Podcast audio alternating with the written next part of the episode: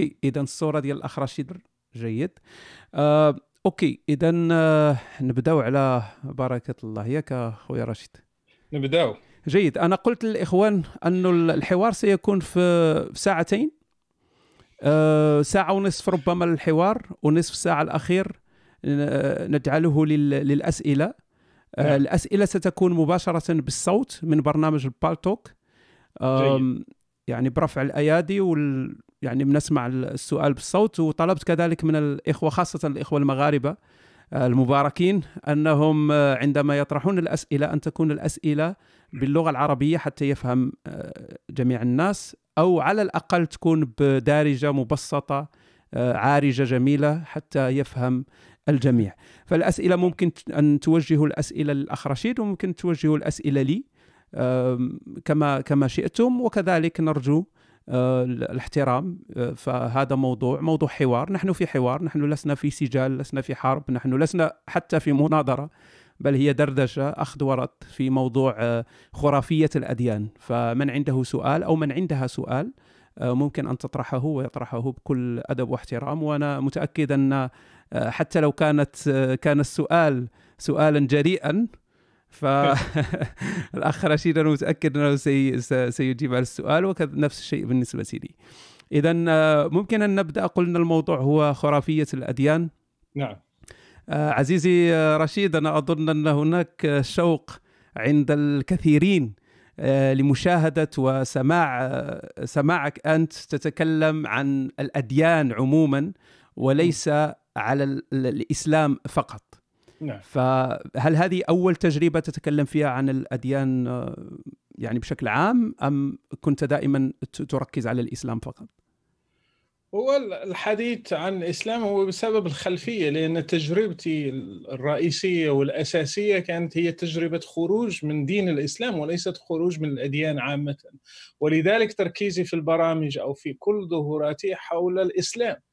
آه، أنا اعتنقت المسيحية وأؤمن بها وقرأت وتأثرت بسيرة المسيح وتعاليمه وهذا آه، سبب تغيير جذري في حياتي لم يكن شيء طفيف بل سبب آه، زلزالا في عائلتي وسبب أيضا زلزالا للكثير من الاصدقاء الذين أعرفهم سواء عن قرب أو عن بعد. ولذلك تركيزي كان عن الإسلام. لكن بطبيعة الحال أنا كأي إنسان آه، يعني لدي تساؤلات وجودية لدي ولا أعتبر نفسي قد توقفت عن البحث. لكن لحد الآن أنا أؤمن بالمسيح وأنا متبع للمسيح ومقتنع به وما عنديش أي إشكالية مع المسيحية. عندي إشكالية مع الإسلام بالذات يعني. لكن إذا أردنا أن نتطرق للأديان عموما أعتقد هذه أول تجربة نتكلم عن عموم الأديان وليس عن الدين الإسلامي فقط.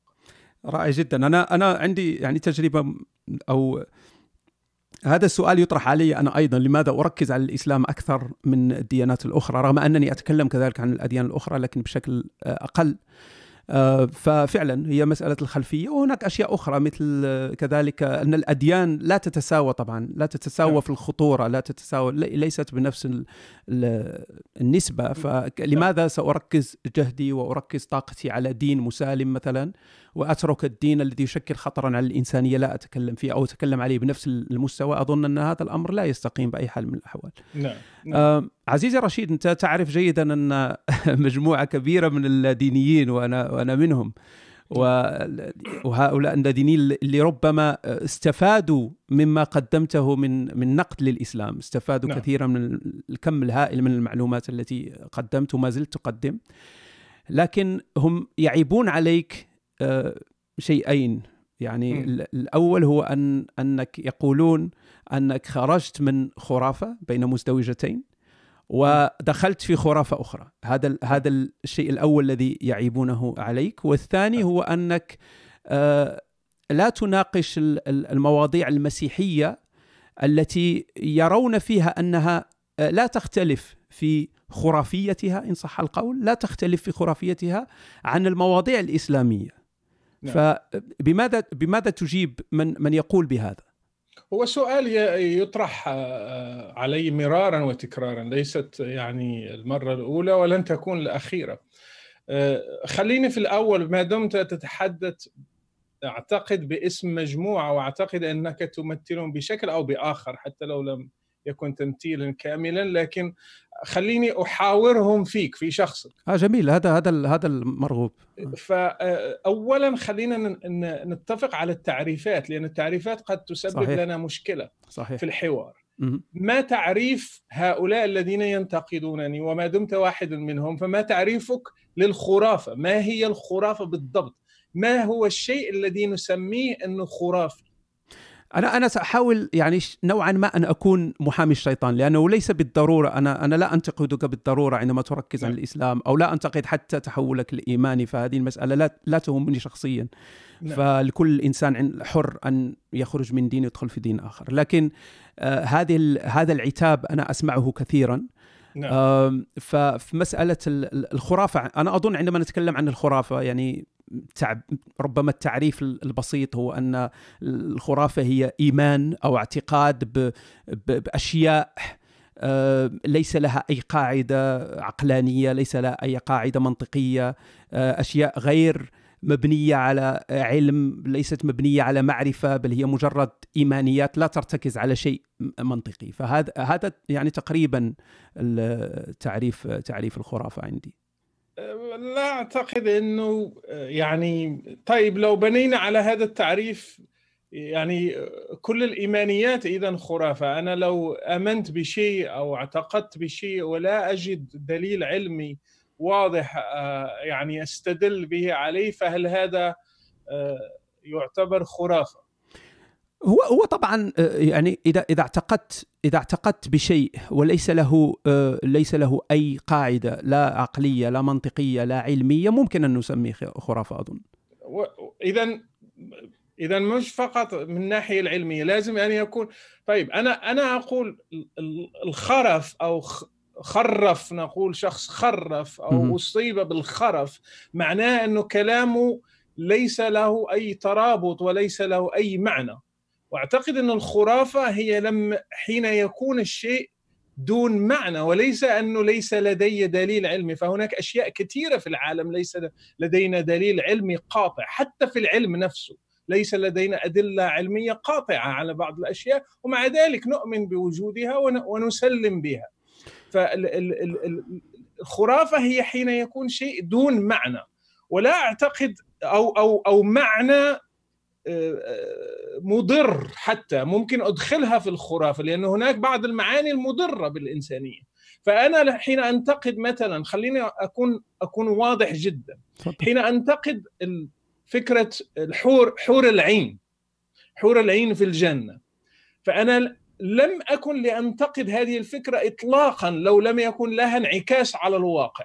طيب المسلم يعتقد إنه حين يموت شهيد يذهب إلى الجنة ويجد 72 حرية. ما عنديش مشكلة لو كان مجرد اعتقاد في دماغه لكن إذا تحول إلى فعل مضر بالمجتمع حين يتحول هذا الفعل لكي يستمتع بذلك الجنس في الجنة عليه أن يقتلني أو يقتل أشخاص أمثالي أو يفجر نفسه هنا تتحول في نظري إلى خرافة.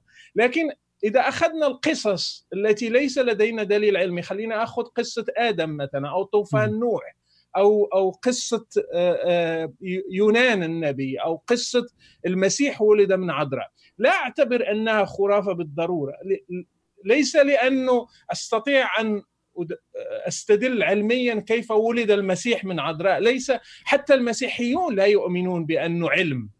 أن آه، آه، لا أعتقد حتى المسيحيون الأوائل آه، لم يكونوا يعرفون أنه حتى تلد امرأة تحتاج إلى رجل. حتى يوسف ترك ترك أو أراد تخلية مريم سرا حتى لا يشهر بها لأنه يعلم أنه بالملاحظة وبالتجربة أنه إذا حملت امرأة فهي بالضرورة قد مارست الجنس مع رجل. لكن القصة الآن صارت من السرديات الكبرى ممكن نسميها في ناس ما بيعرفوش حتى أعتقد من غالبية ال...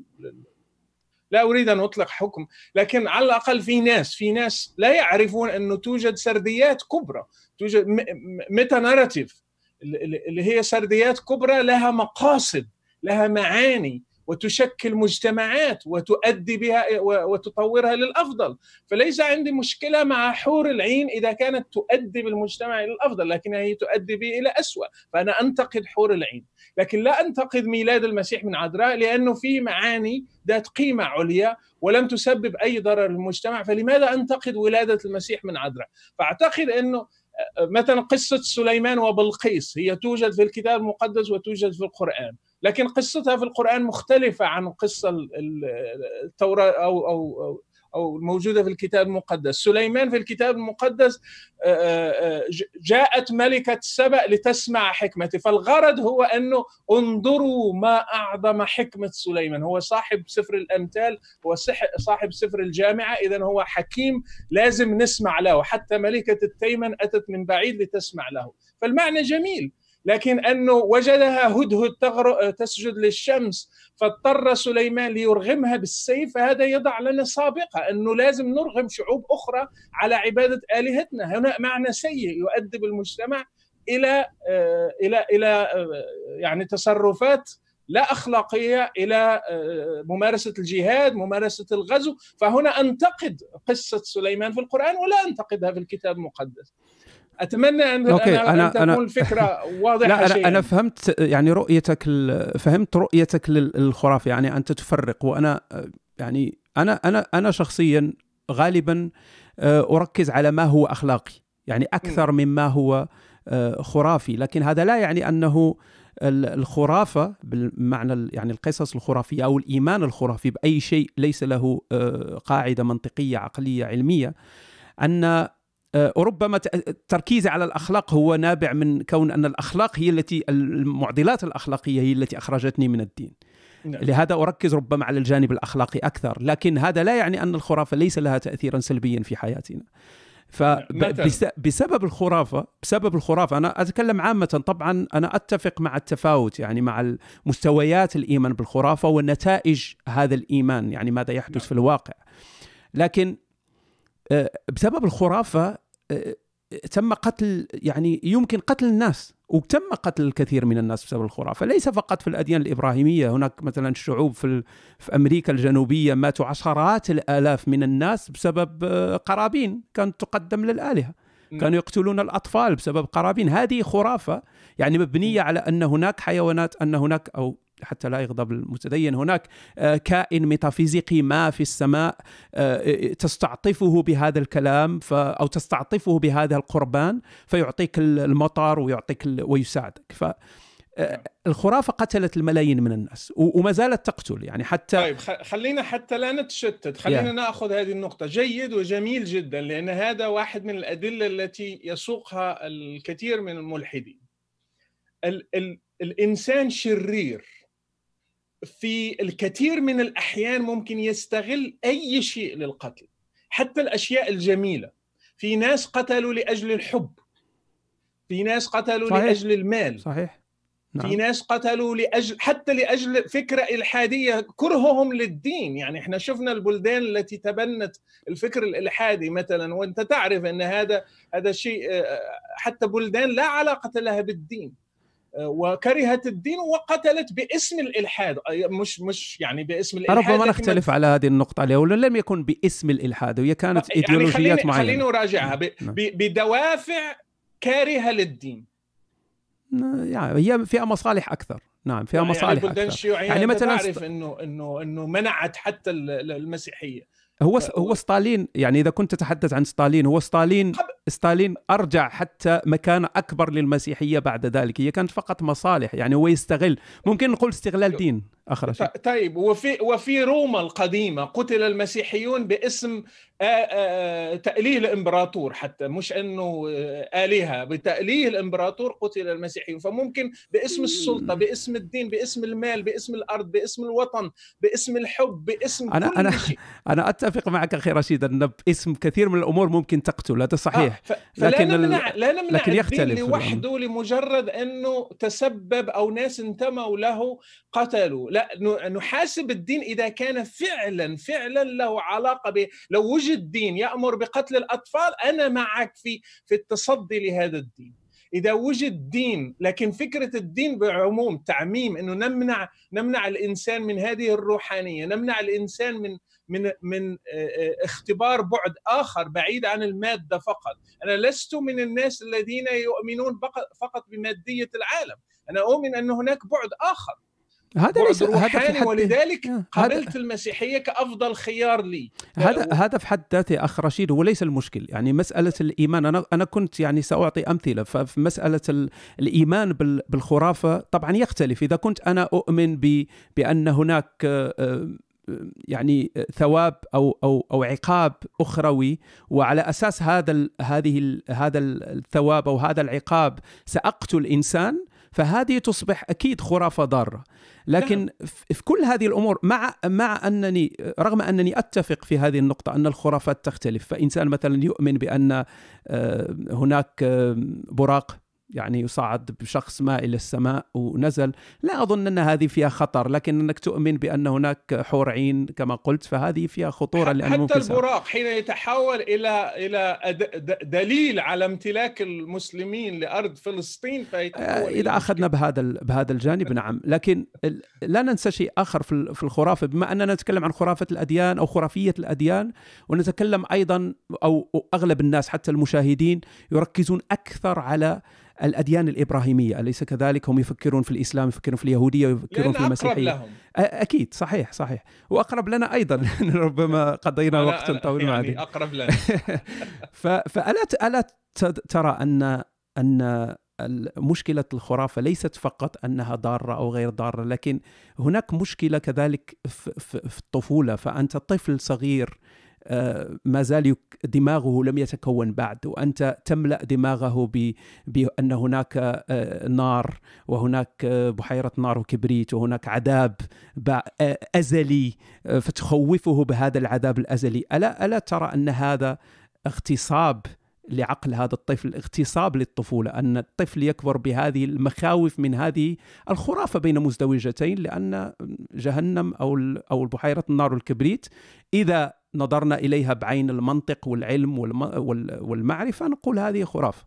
فهل هذه ليست خرافة ضارة لأنها تتكلم عن لأنها تمس أضعف جزء في المجتمع اللي هم الأطفال؟ طيب آه خليني أعطي أنا كان عندي فكرة في البداية أعطيها حتى نتم التعريف. تفضل. آه آه كل ق... إحنا إحنا كبشر نتعلم من خلال القصص. و و ونتعلم من خلال سرديات. دليل وأنا كنت أريد أن أعطي دليل أنك كتبت تجربتك في كتاب عبارة عن سردية. وانت تريد من خلال هذه السردية أن توصل بعض المفاهيم. والسرديات ليس بالضرورة أن تكون حرفية. بعضها حرفي وبعضها رمزي وبعضها يختلط فيه الحرفي مع الرمزي وبعضها تاريخي وبعضها غير تاريخي. مشكلة الملحدين أنهم يحاسبون السرديات بناء على معايير لم تكتب لأجلها. حين نحاسب سفر التكوين بناء على معيار علمي فأنا في المكان الغلط وأحاسب بالأداة الغلط. حين أكتب رواية والغرض منها أشياء أو قيم نشر قيم لا تحاسبني بمنطق العلم لكن حاسبني بمنطق القيم. وحين حين آتي لأي سردية علي أن أحاسبها بناء على ما كتبت لأجلي مثل ماء زمزم آه، ما ما شرب لما شرب له. لما شرب له. فالسرديات لما كتبت له. فإذا كتبت لاجل آه، القيم آه، فنحن نحاسبها بناء على القيم لكن لا نحاسبها بناء على معايير علمية. حين نأتي مثلا إلى قصة المسيح وولادته من عذراء هل غرض الكاتب أن يقول لنا هكذا يولد الأطفال. إذا أي مسيحي جاءت ابنته حامل لن يقول لها أنت حبلت بقوة الروح القدس. سيقول لها فلم تضع معيارا علميا للمسيحيين بدليل أنه آمن بها الأطباء وآمن بها علماء الأجنة وآمن بها الفلاسفة لأنه لم تؤثر على ميدانهم العلمي. لكن استمدوا منها قيم. فالقصص الموجودة والسرديات الموجودة في الدين هي تحاسب بناء على القيم.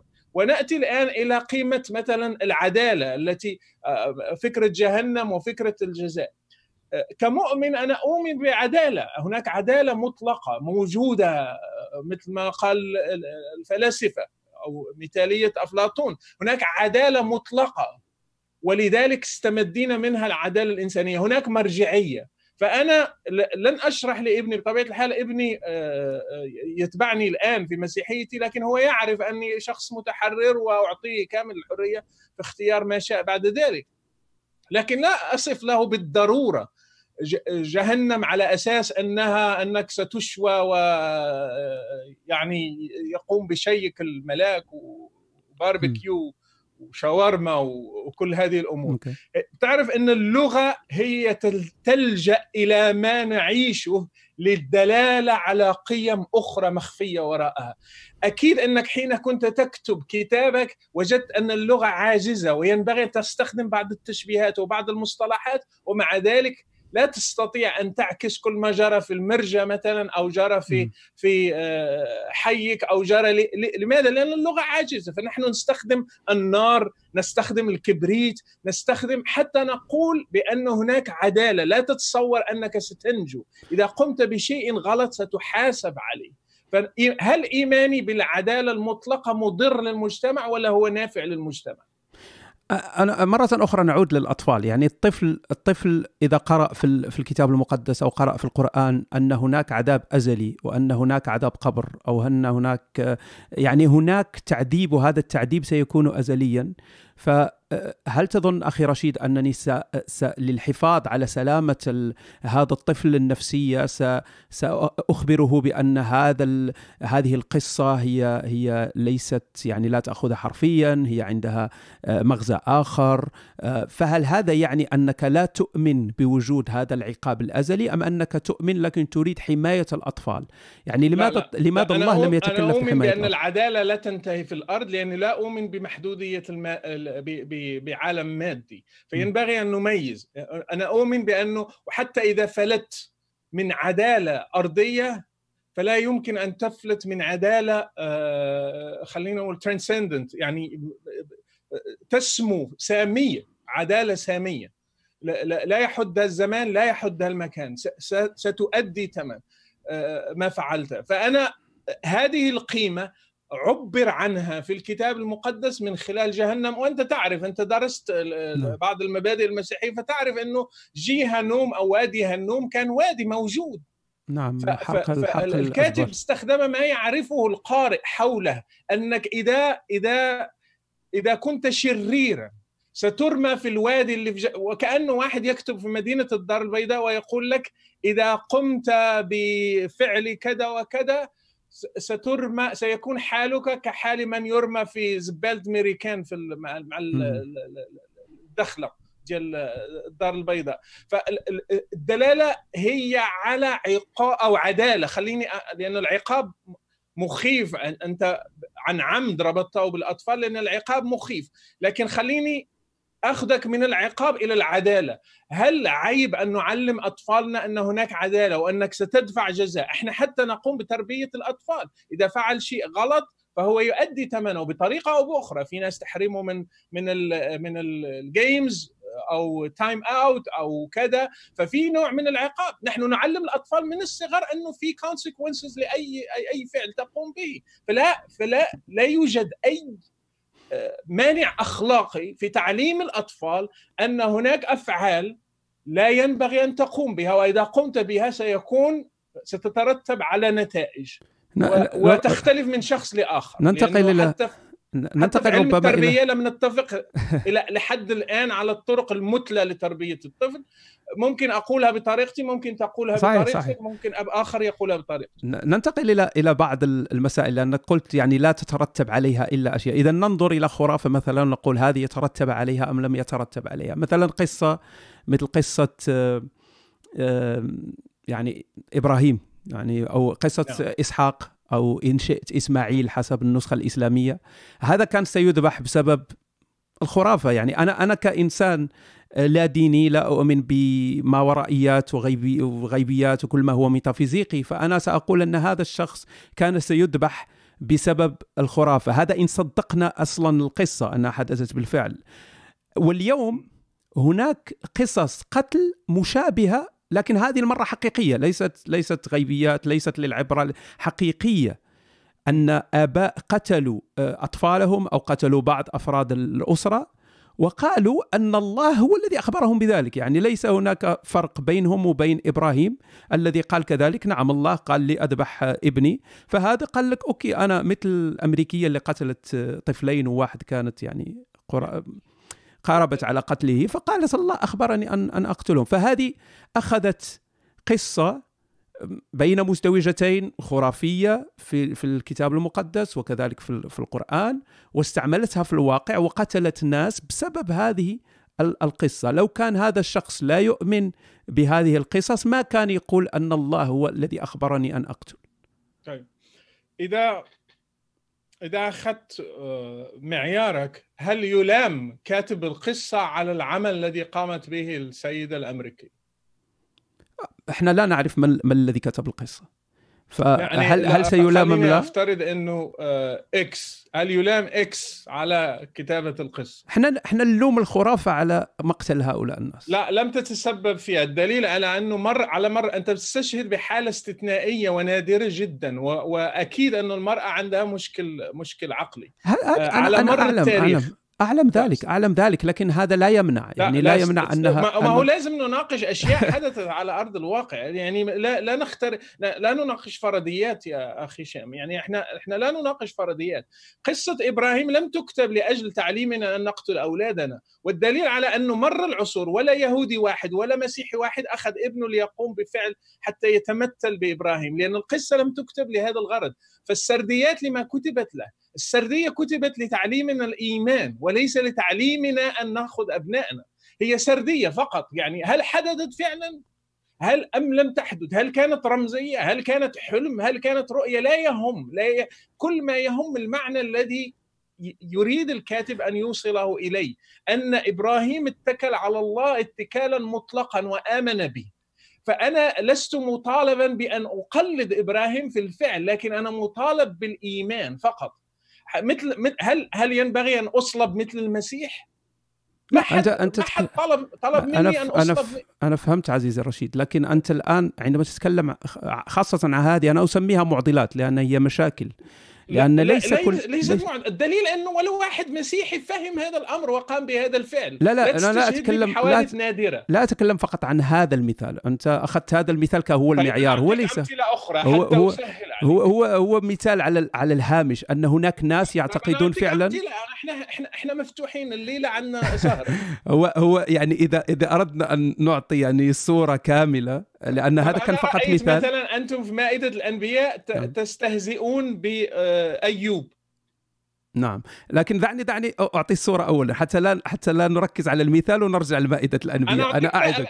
مثال أنا أعدك أعدك. أنا اعرف أعرف أيوب. مسألة أيوب. انتظر عزيزي. يعني إحنا نقول أن هذه الأم التي قتلت أطفالها أو هذا الذي قتل هناك ناس قتلوا لأنهم أو أو عملوا أشياء لا أخلاقية لأنهم يعتقدون أن الله يتكلم معهم. هي المشكلة ليست في تقليد إبراهيم من عدمه هي المشكلة في أن هناك ناس في هذا العالم يعتقدون أنهم عندهم اتصال ميتافيزيقي مع كائن ميتافيزيقي وعلى أساس هذا الاتصال يعملون أشياء غير جيدة، فاذا هذه الخرافية ليس كل من أن قام ليس كل من قال أن اتصل بالله هو يصدق لأنه آه، المسيحية المشكلة في النتائج. المسيحية هي تجربة كبيرة جدا يا أخي. شام وانت تعرف ذلك، المسيحية حطت معايير. من ثمارهم تعرفونهم. أنا لا يمكن أنه أي شخص يقول لي أن الله قال له حتى في الكنائس يمكن أن تسمع شخص يقول لك الله قال لي. وممكن واعد يقول الله قال لي وممكن ناس تستغل هذا الأمر وتقول الله قال لي. ليس كل من يقول الله قال لي قال له الله سواء في المسيحية أو في أي دين. هناك معايير. وينبغي أن نخضع لهذه المعايير. من ثمارهم تعرفونهم. أنا أريد أن أرى أعطني أعطني حياتك أعطني ثمارك أعطني أفعالك حتى أقول لك فعلا أن الله يكلم أنت أنت أنت كمؤمن تتكلم هكذا ويحق لك أن تتكلم هكذا. أنا أنا أنا خارج أنا أنا خارج ال... أنا خارج هذا ال... أنا أنظر من ال... من الخارج أنظر إلى كل شيء. فأنا أنظر وأقول هناك مشاكل سببها إيمان. وهذا الإيمان يقول بأن إنسان ممكن أن يتصل بالله. فعلى أساس هذا هذا الإيمان هناك نتائج في الواقع غير جيدة. أنا هكذا أنظر. أنا لا أنظر إلى هل هذا الشخص اتصل فعلا بالكائن الميتافيزيقي الذي يؤمن به. هذه ليست مشكلتي. أنا مشكلتي في النتائج.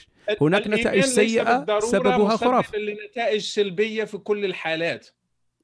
أعيد هذه النقطة عزيزي لم لم أسمع جيدا. أنا أنا أقول ليست كل الأديان مؤثر م... م... آه، ليس الإيمان بالغيبيات م... يؤدي إلى نتائج سلبية في كل الأحيان. أنا أعطيك... أنا أتفق أتفق. أعطيك أمثلة. المسيحيون فعلوا أشياء كثيرة جيدة في التاريخ وللأسف لا يذكرها أغلب الملحدين.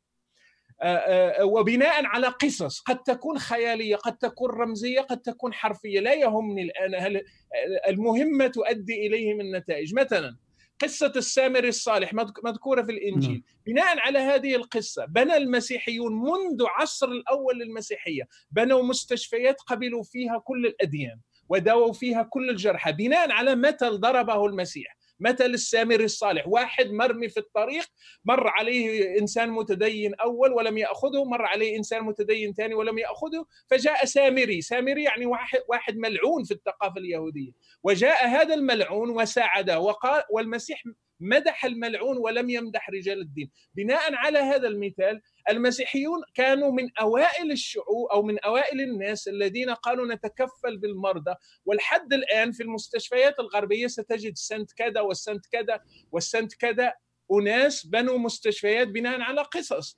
آه، آه، ممكن تجد أمثلة كثيرة لقصص كان لها تأثير. ولذلك أقول افهموا معنى السرديات الكبرى. السرديات الكبرى توجه المجتمعات. ممكن توجههم في اتجاه أخلاقي جيد وممكن توجههم في اتجاه أخلاقي سلبي. هناك سرديات تؤدي إلى كوارث. أتفق معك. ولكن هناك سرديات لا تؤدي إلى كوارث بل أنا تغير المجتمعات إلى أفضل. أنا لا أظن أن الملحد ي... أن عموما أنا لا أظن أن أن الكل عندما حتى كلمة عندما نقول أن الأديان خرافة أنا أظن أن هذا هذا تعبير ربما يعني فهم ربما يمكن فهمه من جهتين. الجهة الأولى أن أن الأديان أنا عندما أقول أنا كملحد أو كلا ديني أقول أن الأديان خرافة فالتفسير الأول ممكن هو أن الأديان تتضمن مجموعة من الكبيره من القصص الخرافية بين مزدوجتين. ممكن نسميها قصص خرافية فأنا أقول الاديان خرافية يعني كتعميم. أقول أنها خرافة. مثل مثلا أن تقول آه، ترامب كذاب. هل هل ترامب يكذب دا يكذب دائما؟ هو يكذب أحيانا. خرافية؟ هل هل تقص لحد الآن لم أعرف يعني بناء على هل القصص خرافية؟ ما أنا أذهب إلى أفلام وأشاهدها وأعرف إنه لم تقع في التاريخ ومع ذلك أبكي مع مع لا لماذا لا أبكي؟ لأنه لا هو هي خرافية ليست بمعنى دائما سلبي. أنا لا أنا هناك هناك خرافات جميلة. ممكن الناس يفهموها إنه دائما بالمعنى السلبي. هي هي هي هي طبعا تأثير عندنا مقابل حتى الأسطورة تؤدي إلى معنى سلبي. المثل الأسطورة الأسطورة تختلف قليلا لأن الأسطورة ممكن أن تكون حقيقية وممكن تكون خاطئة. هي الخرافة تختلف لأن الخرافة هي فقط أشياء ليس لها أي قاعدة لا علمية منطقية لا عقلية. أما الأسطورة ممكن أن تكون أسطورة لكن أساسها صحيح يعني أنها حدثت فعلا لكن لا ندري هل يعني ليست لي لا, لا ليس نفس نفس المعيار. أنا عندما أتكلم عن الخرافة خرافة الأديان ف بالنسبة للاديني هي هي الأديان مبنية على خرافة أن هناك كائن ميتافيزيقي يتدخل في شؤون الناس خلق فهذه كلها خرافات ليس لها أي أي أي دليل. أخي هشام لا أتفق معك كليا. إذا كنت ملحدا ماديا وتؤمن بأن كل كل ما يوجد في هذا العالم هو مادة فأنت بنفسك ستقع في مشكلات فلسفية إذا كنت صادق مع نفسك. ليس هذا الذي أقول أنا لا أقول ذلك. أنا أنا أقول أن هناك قصص يعني هناك مثلا نأخذ سفر التكوين. أنت بنفسك تكلمت عن سفر التكوين أليس كذلك؟ تكلمت عن الخلق. هل قصة آدم وحواء وقصة الثعبان الناطق الحيه الناطقه التي تكلمت مع مع حواء هل هذه مسائل إذا عرضناها على المنطق والعقل والعلم سنقول أن هذه قصص صحيحة لا يمكن. لا إلا إذا اعتبرتها تخلط بين شيئين. أنت ما هو المنطق ليس بالضرورة أن تكون وقعت تاريخيا وعلميا. أنت أنت تخلط بين المنطق، المنطق هو أن أن تكون هناك في عقلانية في تسلسل الأفكار فقط، ليس بالضرورة أن تكون حدثت أو لم تحدث. المنطق إحنا المنطق نناقش به أشياء اللي هي ابستراكت يعني ليس لها أي وجود مادي. المنطق نناقش به الأرقام نناقش به الأفكار نناقش به أي شيء. لا منطقية. من قال لك أنها ليست منطقية؟ إذا إذا كانت غرض القصة أن يفهمنا أن الشر دخل إلى أو بدأ في العالم بخيار من الإنسان فأنا أحاسب القصة بناء على هذا المبدأ وليس على مبدأ هل فعلا كانت هناك حية تتكلم أم لم تتكلم. حين اصوغ لك قصة حتى أوصلك لمبدأ فلا تحاسبني بالمعايير العلمية على القصة. حاسبني على المبدأ. ما أنا ولذلك قلت من الأول ينبغي أن نتفق على معايير. إذا إذا شخص مثلا أراد أن يحاسب كتابك بناء على معايير علمية لا لا يستطيع.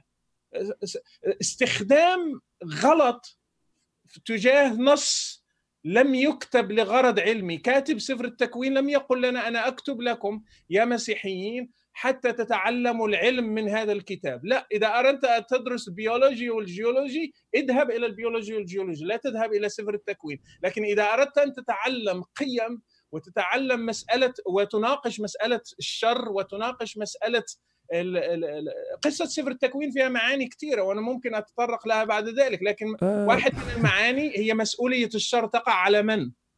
يا عزيزي انتظر عزيز رشيد أنا أظن ان أن نحن نتكلم عن نتكلم لا نتكلم بنفس في نفس المنحى أظن أننا هناك بعض ال بعض ال يعني ليس لا أقول خلاف لكن ربما أنا أركز على مسألة علمية عقلية يعني أشياء اللي ممكنة علميا أشياء اللي اللي لا تخالف قوانين الطبيعة نتكلم لكن أنت تقول أن الخرافة ممكن أن تكون فيها معاني جيدة يعني هذا هو ربما الخلاف بيننا لا ف... الخلاف هو أنه يا أخي هشام أنت لو تفرجت على فيلم هل أوكي. ستحاسب علم علميا هذه اللقطة غير غير غير لا. ممكنة لأن هذا فيلم لكن إحنا نتكلم عن عن نصوص مقدسه ما أنا أقول انه الانسان يتعلم من السرديات سواء دينيه أو غير دينيه لكن هذا كلام هذا كلام الله هذا كلام هذا كلام من المفترض انك يعني كثير من المؤمنين سواء مسيحيين أو مسلمين يؤمنون نعم. بان الكتب المقدسه هي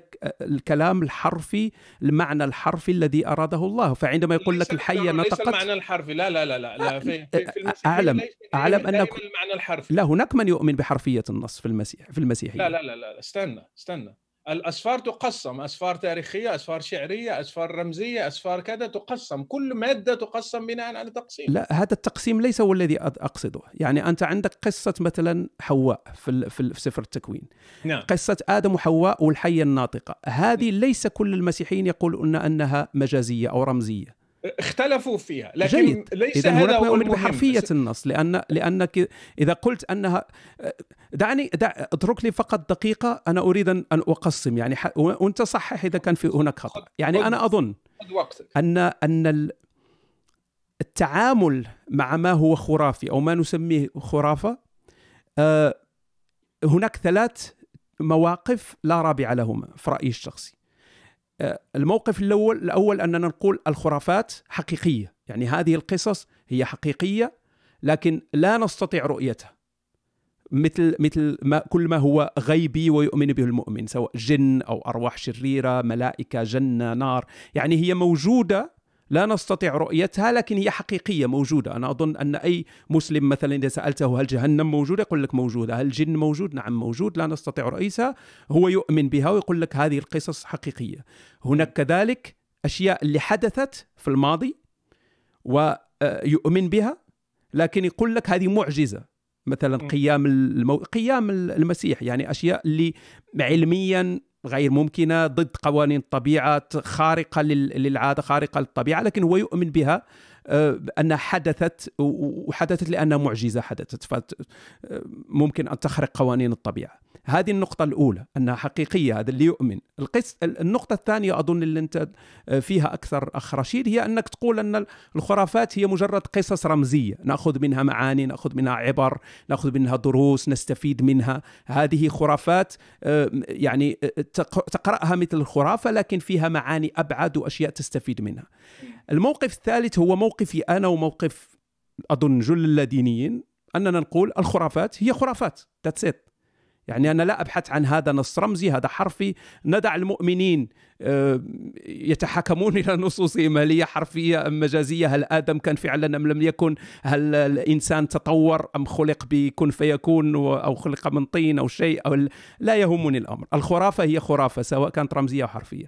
فأظن هل, هل تتفق مع هذه التقسيمات أم, أم لا تريد؟ لا لا أتفق مع هذا التقسيم لأنك صنفت الناس إما إلى حرفيين أو إلى رمزيين ولا يوجد لا توجد منطقة وسطى يعني. المنطقة الوسطى أو رأي آخر ولا أقول أنه فقط هو الموجود. هناك آراء أخرى أيضا. رأي آخر ينضاف إلى الآراء الأخرى. لا يهمني إذا كانت رمزية أو حرفية. أنا آخذ القصص لما كتبت له لأجل الهدف الذي كتبت لأجله. لا يهمني إن كان أيوب فعلا شخصية تاريخية أم لم يكن. لم يوجد على على على على الأرض على الإطلاق. ما يهمني هو ماذا أراد أن يقول الكاتب من خلال هذه القصة. إذا كان يريد أن يعلمنا الصبر فليكن. أما أن نحاسبه هل فعلا وجدت شخصية أيوب؟ لا تقول أركيولوجي بوجود شخصية مثل أيوب. وأين ك... فكل هذا هو أنت حدت عن الهدف الذي حد الذي وضع لأجله الكاتب القصة. فإذا ذهبت إلى قصتك الآن وأردت أن هل فعلا كان يوجد مسجد في ألبانيا أم لا يوجد؟ هل فعلا أراد ممكن أن أجد بعض بعض التفاصيل في في في كتابك؟ لن أجد لها أي أثر إطلاقا. لكن, لكن الأمر يختلف رشيد. إحنا نتكلم عن عن أشياء عن قصص خارقة. نتكلم عن قصص خارقة. يعني أنا عندما تقول لي أن هناك بحيرة. نار وكبريت فهذا ليس مثل هناك مسجد في ألمانيا يعني اولا اولا المبدأ إحنا نتكلم عن المبدأ تحليل القصص. تحليل القصة الدينية. هذه القصة صار لها سلطة. آه فعلا هي ليست مثل قصتك لأن السرديات الكبرى لا تشبه القصص الصغيرة. قصتك وقصتي وقصة فلان. هذه سردية كبرى. لكن خارقة خارقة كذلك. خضعت لها شعوب صارت لها سلطة على على العقل الجمعي للبشر. أنا أتفق معك. لكن هل... خارقة عزيزي رشيد خارقة هي خارقة للطبيعة. يعني عند أن تتكلم عن شيئين مختلفين يعني. أنا أنت إذا أخبرتني أخ رشيد أن عندك آه، منزلين في المغرب هذه ليست خارقة للطبيعة. إذا أخبرتك أنا أنني عندي اتصال مع كائن ميتافيزيقي فهذه خارقة للعادة. فأنا ممكن أن أقبل كلامك حتى بدون دليل لكن عندما أقول لك أنا أتكلم مع كائن ميتافيزيقي فأنا مطالب بأن أعطي دليل خارق للعادة لتصدقني. ليس بالضرورة ليس بالضرورة. يعني أنت تعلم أن المسيحية لم يؤمن بها آه، يعني آه، الناس العاديون فقط. آمن بها الفلاسفة. هم يعرفون أن هذه الأمور ليست علمية. يعني إذا أردنا أن نناقشها من المنظور العلمي لكنهم أخذوها من بعد آخر. يعني لما كان باسكال كان مسيحي هل تعتقد أنه لم يعرف أنه علميا مستحيل أن نستدل على على على ميلاد المسيح بطريقة علمية. لما كان آه، آه، ديكارت آه، مسيحي هل تعتقد إنه لم يدري بهذا الأمر؟ ونأخذ من توما الإكويني ونأخذ من أغسطينوس. هل تعتقد إن هؤلاء العباقرة لم يعرفوا ذلك؟ لكن هم أخذوا المعنى الأعمق الذي تريد القصة الدينية أن توصله إلينا. فهل تريد أنت أن تجرد الناس أو الملحدون هل يريدون أن يجردوا الناس من هذه المعاني وهذه القوة وهذا الرجاء وهذا الأمل الذي يستمدون من هذه القصص بالعكس بالعكس. بحجة أنها لم تقع علميا وليست مطابقة لا. للعلم فأنتم استخدمتم أدوات لم تكتب لأجلها هذه القصص. تستخدم منظور علمي. لا فعلا هناك آه، آه، بالعكس عزيزي بالعكس. نتكلم عن ال Big Bang مثلا. آه. سفر التكوين لم يكتب ليشرح ال Big Bang. سفر التكوين لا لا لا لا. أخرى. لا ليس هذا الأمر ليس هذا. أنا أظن أن فعلا حتى لا أدري. أنا لا كما قلنا في الإلحاد وفي اللادينية ليس هناك ممثل ليس عندنا كنيسة أو شيء أو أنا هو بابا الإلحاد حتى أتكلم باسم الناس. جمعي هو الجماعات يعني أكيد في, في أنا ممكن من ال من ال خلينا أقول حتى الملحدين عندهم سردية حتى لو لم تكن كتاب مقدسا مكتوبة عندهم سردية. I don't know about that المهم نتكلم عن نتكلم عن شيء الآن اللي لا في قصة آه الحاديه آه ممكن نكتب كتاب مقدس إلحادي جديد. آه آه ما هو ما هو تعرف إنه مثلا الكتاب ليس بالضرورة كتاب الإنجيل لما كان لم يكن كتاب كتابا. نعم.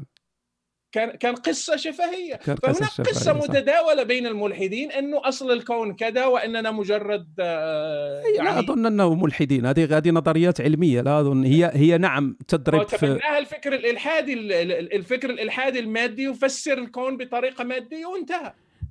العلم العلم هناك طريقة علمية. الطريقة العلمية ليس لها علاقة بالقصص الدينية. هذا الفرق. الإلحاد ف... يتبنى العلم. ما هو حتى في المسيحية في علماء يا أخي ما أعلم, أقول أعلم ذلك. له مكانه والروحانيات لها مكانها.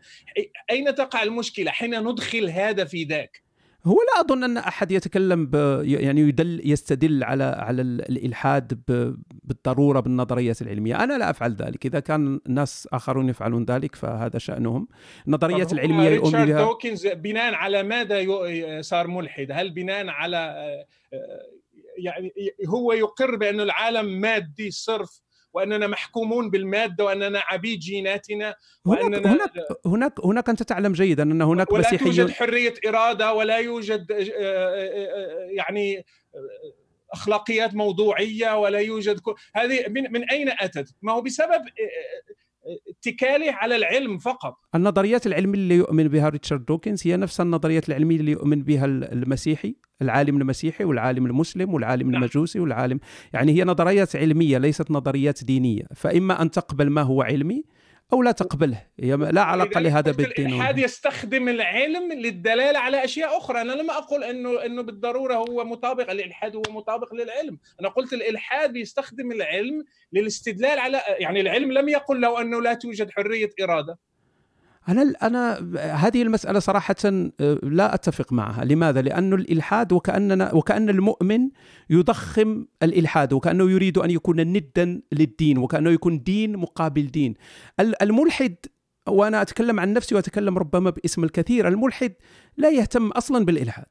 نحن لا نتكلم عن الإلحاد، نحن يهمنا الإيمان، يهمنا الإيمان الضار يعني يهمنا الأديان وما فيها من أضرار وما فيها من أشياء تضر بالمجتمع وفيها من حد من حقوق الناس والحريات. هذا يهم الملحد أكثر من أي شيء. أنا فليذهب الإلحاد إلى الجحيم. لا يهم الإلحاد يعني وليس صرحا ليس منظمة ليس دين ليس مذهب لكي نحافظ عليه أو ندافع عن لا يهم. آه، أريد عزيز رشيد أن أعود معك لنقطة مهمة آسف يعني كانت مهمة ومرت حتى لا حتى آه، لا تمر. هكذا وهي مهمة جدا.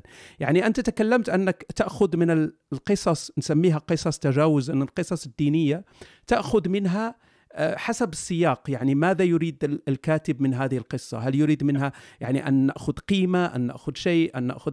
فكيف كيف تفرق بين ما هو بي كيف تفرق بين ما هو حرفي وما هو رمزي يعني. كيف تعرف مثلا أن عندما يتكلم الله عن عن بحيرة النار والكبريت أنه يعني شيء رمزي؟ لكن عندما يتكلم عن شيء آخر فهو حرفي. هل الطوفان هو رمزي أم حرفي؟ هل أعطيك مثال ربما أقوى من كل هذا أقوى من كل هذا هناك قصة مثلا المسيح عندما صلب. فنعرف أن يعني حجاب الهيكل انشق إلى اثنين. والأرض تزلزلت الصخور انشقت القبور فتحت. وقام الكثير من الناس من القديسين إذا لم تخني الذاكرة قام الكثير من القديسين اللي كانوا ميتين قاموا وخرجوا من القبور وبدأوا يجولون في, في, في شوارع المدينة. فهذه القصة مثلا هل هل هي قصة حرفية رمزية؟ ما هي العبرة منها؟ يعني ماذا سنستفيد من هذه القصة؟ وهو لا يعني أحيانا الدخول في تفاصيل التفاصيل لن يؤدي إلى آه، يعني نتيجة آه، جازمة. لأن حتى لو قلت رأيي في آراء آه، اختلفت في هذا الموضوع لأنه ليس محورا للعقيدة المسيحية دخول قيامة أموات مثلا من القبور أو دخولهم. لا ننسى أنه حتى كتابة القصة فيها العنصر البشري. بناء على ماذا كتب الكاتب هذه الأمور؟ هل بناء على رؤى آه، قالها الناس آه، حكايات حصلت أثناء الصلب فأخبره الناس أنا شفت فلان أو أنا شفت فلان وشفت فلان هل كانت رؤى أم كانت حقيقة؟ بناء على ماذا؟ لأنه عمل انفستيجيشن لأنه من غير المستحيل إنه كان حاضر وشاف كل هؤلاء. عمل نوع من ال investigation نوع من من الخلاصة التي خلص إليها الكاتب. هل كانت رؤى لا أدري أنا شخصيا. هل كانت مجرد reports من الناس لأنه حدث كان بالنسبة لهم خصوصا اللي كانوا متعلقين بالمسيح حدث جلل فقالوا إحنا شفنا حتى آه، شفت جدي شفت عمي شفت كذا شفت آه، آه، يوحنا المعمدان شفت إيليا شفت كذا. لا ندري. لكن الغرض من القصة قد يكون قد يكون لا أريد أن أجزم حتى لا أكون يعني جازم 100% قد يكون التعبير عن أن هذا الحدث لم يكن حدثا عاديا كان حدثا جللا كان حدثا كبيرا. ولذلك حصلت كل هذه الأشياء المرافقة له. انشقاق حجاب الهيكل يستدل بعض اللاهوتيون يقولون رمز للفصل اللي كان موجود بين اليهود وبين الأمم. وكأن الله قال لا فصل الآن لا بين اليهود ولا بالأمم إنه الكل واحد. فحتى هذه القيمة جميلة. فما فيش أي شيء ضار في هذه القصة حتى يمكن ان أن أرفضها. أقول لا بناء لأن العلم لا يقول أن الموتى يقومون لانها لم تكتب لغرض علمي اطلاقا. ولم تكتب ل...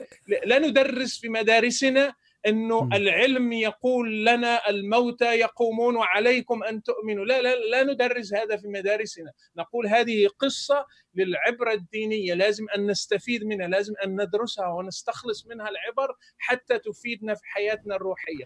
فقط لهذا الأمر ولا, ولا نستخدمها في المعمل ولا في اللاب ولا في أي شيء آخر. ولذلك أقول آه. حين تحاسب أي قصة حاسبها على على على الأمور التي كتبت لأجلها. يوحنا يقول انه كثيرة هي الأشياء التي قالها المسيح. أما هذه فقد كتبت لكي تؤمنوا انه انه هدف الكاتب هو حدده.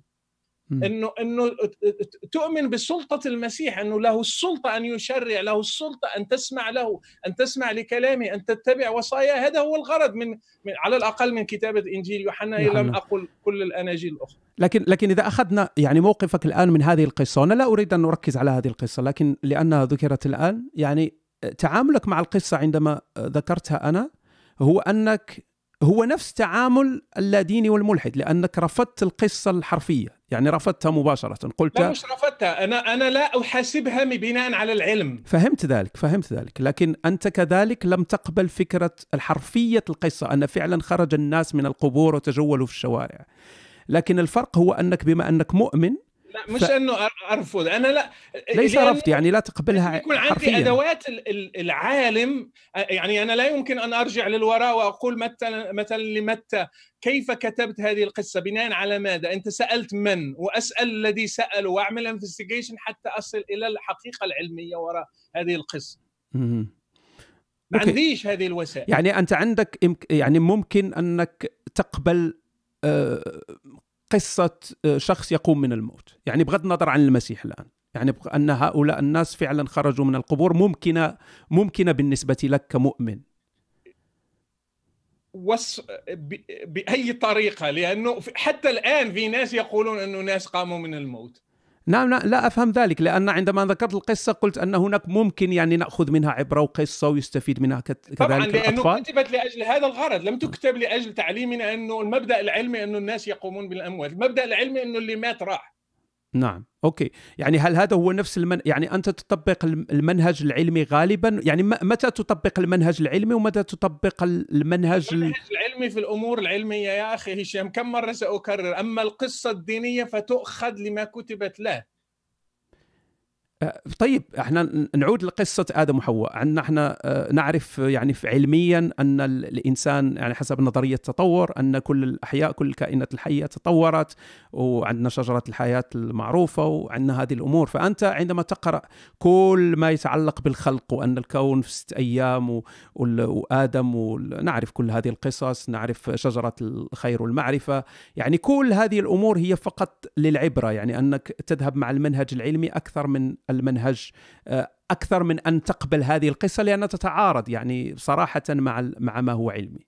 تعارض مع العلم إذا وضعتها في, آه، كبديل علمي، نعم.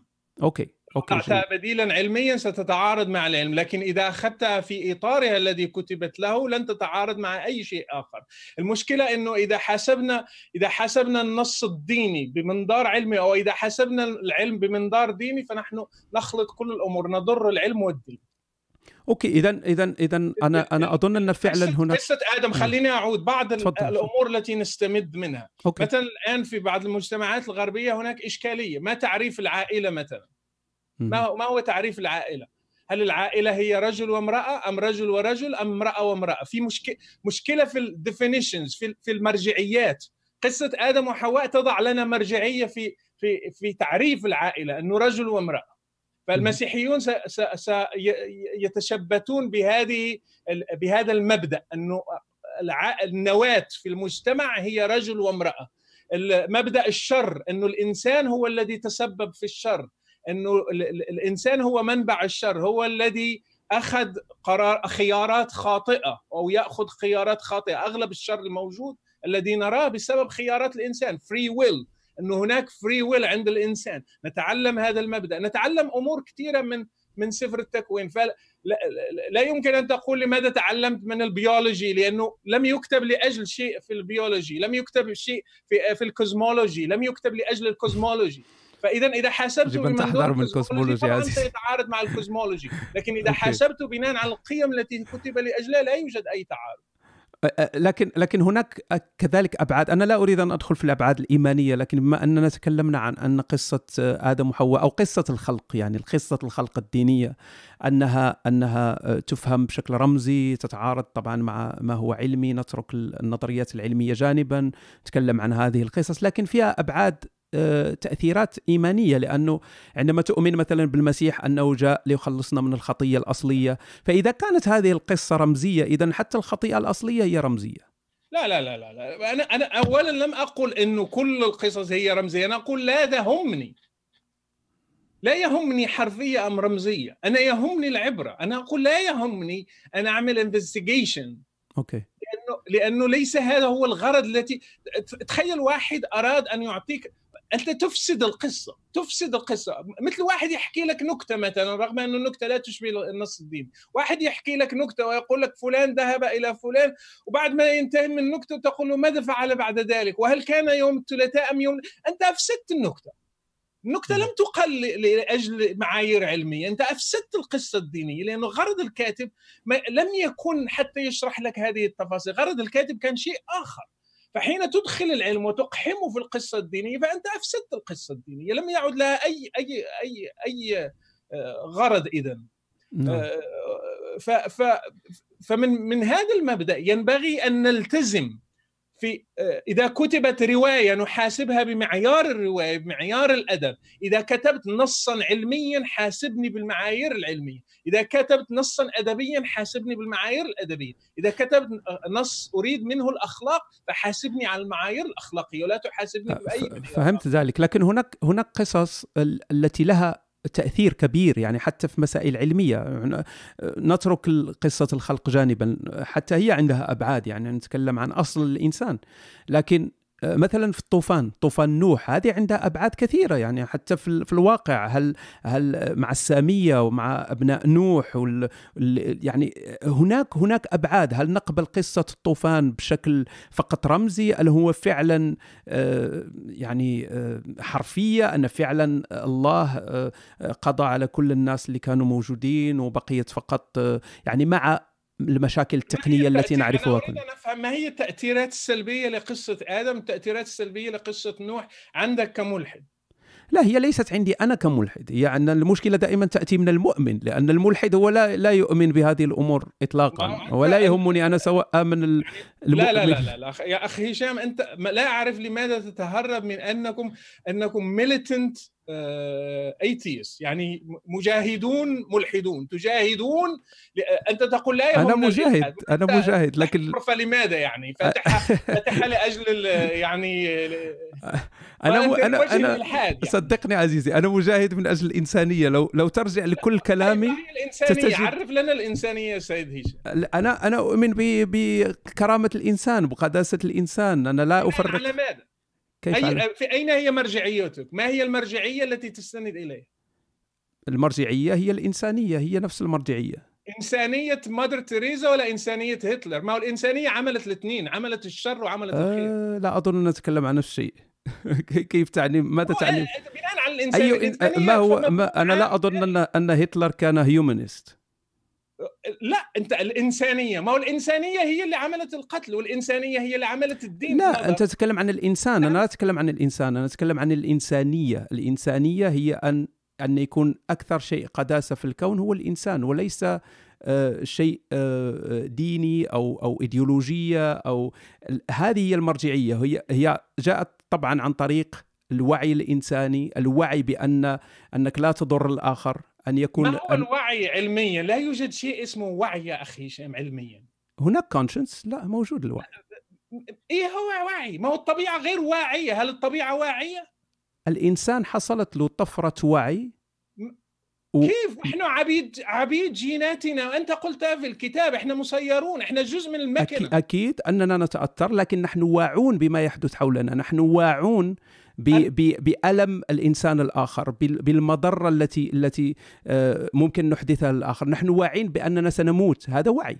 يعني لا, لا, لا, لا استنى أخي هشام علميا لا توجد إرادة حرة لا يوجد وعي لا يوجد ضمير. استدل عليه غير علميا. صحيح عزيزي. وأنا أنا لست بعالم حتى أعطيك مراجع علمية على الوعي عزيزي رشيد. أنت تسألني الآن مثل لا لو, لو سألتك الآن عن عن عن مقالات علمية ومراجع علمية أنا لست عالم نفسي أنا لست عالم آه، بيولوجي حتى أعطيك المقالات العلمية. ما هو ري ري حتى ريتشارد دوكنز يؤمن إننا إننا عبيد للدي ان اي بتاعنا إنه ما فيش كل شيء. يعني ينبغي أن نقبل حتى همجية هتلر وينبغي أن نقبل حتى همجية آه داعش لأننا لا أدري إذا كان فعلا قالها دوكنز لكن حتى إذا قالها أنا لا أتفق لأن نحن إنسانيون. ولم يقل علينا أن نقبل لكن أنا قلت نتيجة لكلامه علينا أن نقبل ما تفعله داعش لأنهم عبيد جيناتهم.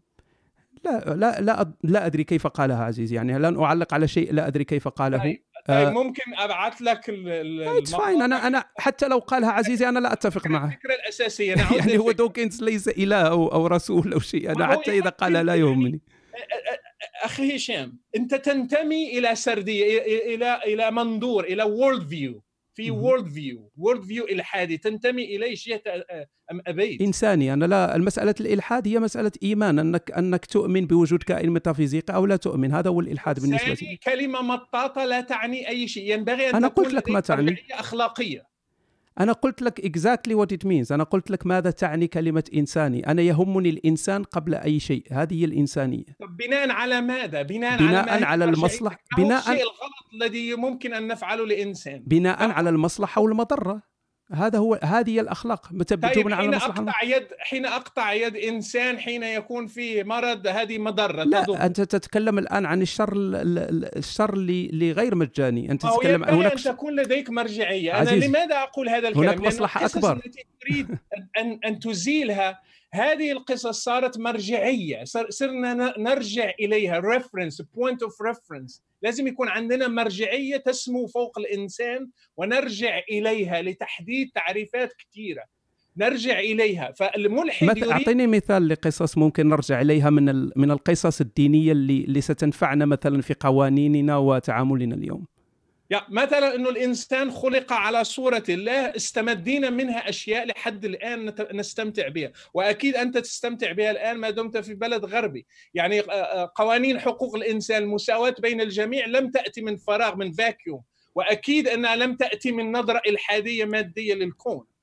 أنا أنا أنا أتفق عزيزي أن أن التراث الديني في أوروبا أثر. وأن فعلا لا أحد ينكر ذلك أن الكتاب المقدس هو طبعا لا زال هو أهم كتاب يعني على مر التاريخ في أوروبا في الدول الغربية عموما.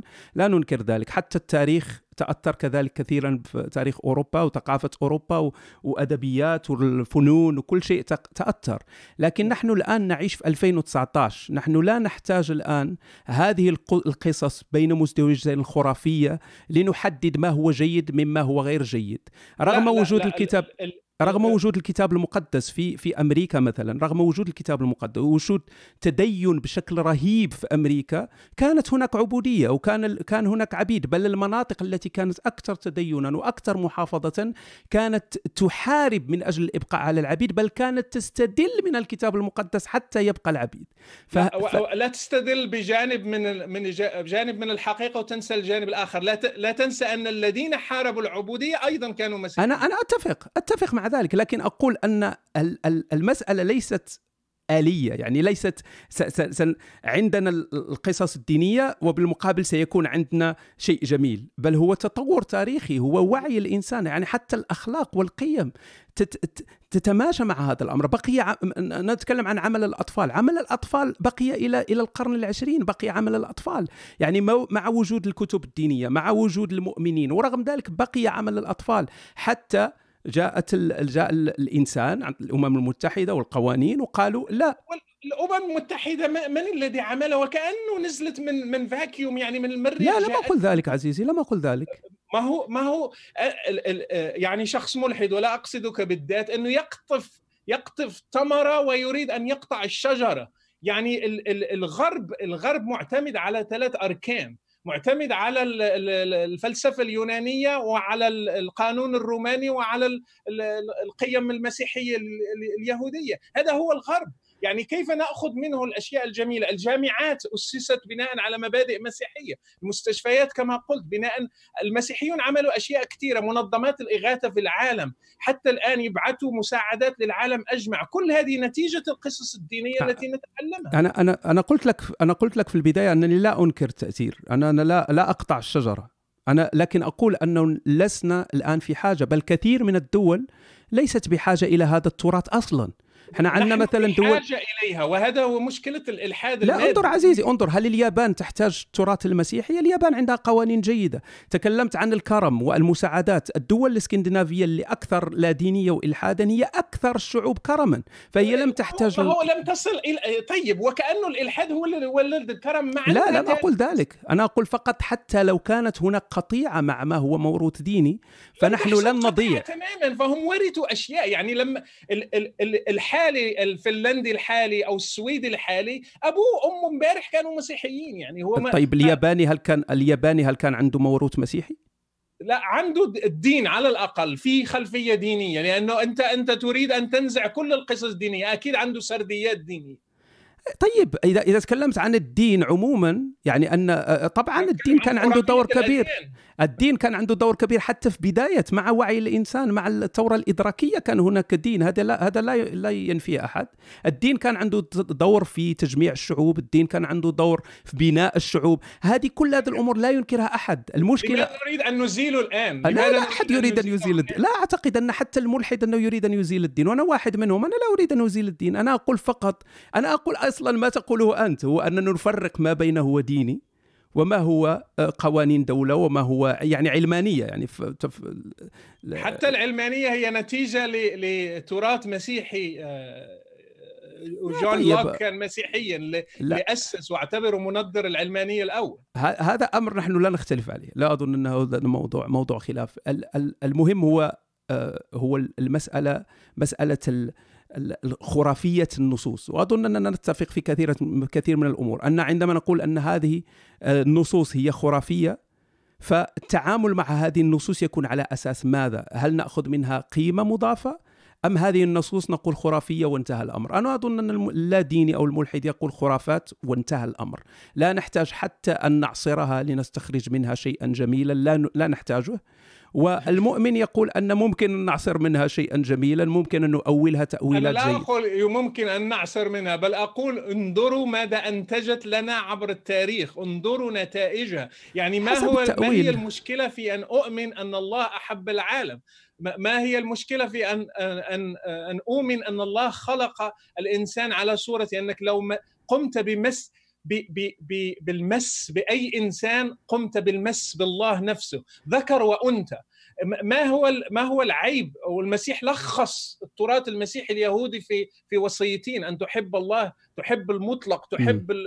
المرجعيات المطلقة اللي بيمثلها الله وتحب الإنسان آه، قريبك كنفسك كنفسك مش إنه تحب محبه لا موازيا لنفسك يعني مثلك مثل نفسك. ما هو ما هو الخطأ في في في هذه المرجعيات إذا إذا وضعناها؟ سواء كانت عبارة عن قصص عن سرديات سواء عبارة عن كلام مباشر عبارة عن وصايا ونواهي. ما هو العيب؟ أنتجت لنا أشياء جيدة. لكن أنا أحارب ما ينتج لنا أمور سلبية أوكي. في المجتمع. أنا احارب وهذه هي الخرافة في نظري. أما القصص الدينية فليست بالضرورة خرافة لأن لها منطق معين لها لوجيك آه، معين تمشي عليه وتؤدي إلى نتائج معينة. أنا أظن لا لا أريد أن أقول المشكلة لكن أنت أنت عندما تتكلم عزيز رشيد أنت تتكلم بتأويل معين للنصوص أو طريقة تعامل مع النصوص. لا لا يمكن أن نعممها اولا لا اليوم ولا في القديم. نحن كلنا نعرف أن أوروبا مرت بقرون بعصور الظلام كما يسمى كانت فيها الكنيسة مسيطرة وكانت فيها كل الويلات وكانت الكنيسة كان الناس متدينون وكانت الكنيسة عندها السلطة ورغم ذلك يسمى هذا يسمى عصور الظلام يعني كانت ظلام. فإذا المشكلة هي كذلك مشكلة تأويل. كيف نتعامل مع النصوص؟ كيف نؤول النصوص؟ طبعا عندما تتحدث عزيزي رشيد فهذه النصوص آه، تأويلك لهذه النصوص كثير من الناس سيتفقون معك سواء كانوا مؤمنون أو ملاحدة سيتفقون وأنا كذلك أتفق في أجزاء كثيرة مما تقول. لكن لا لا يمكن أن نعمم لأن بنفس النص الذي أولته هذا التأويل ممكن أن يؤوله شخص آخر تأويل مختلف ويقتل الناس.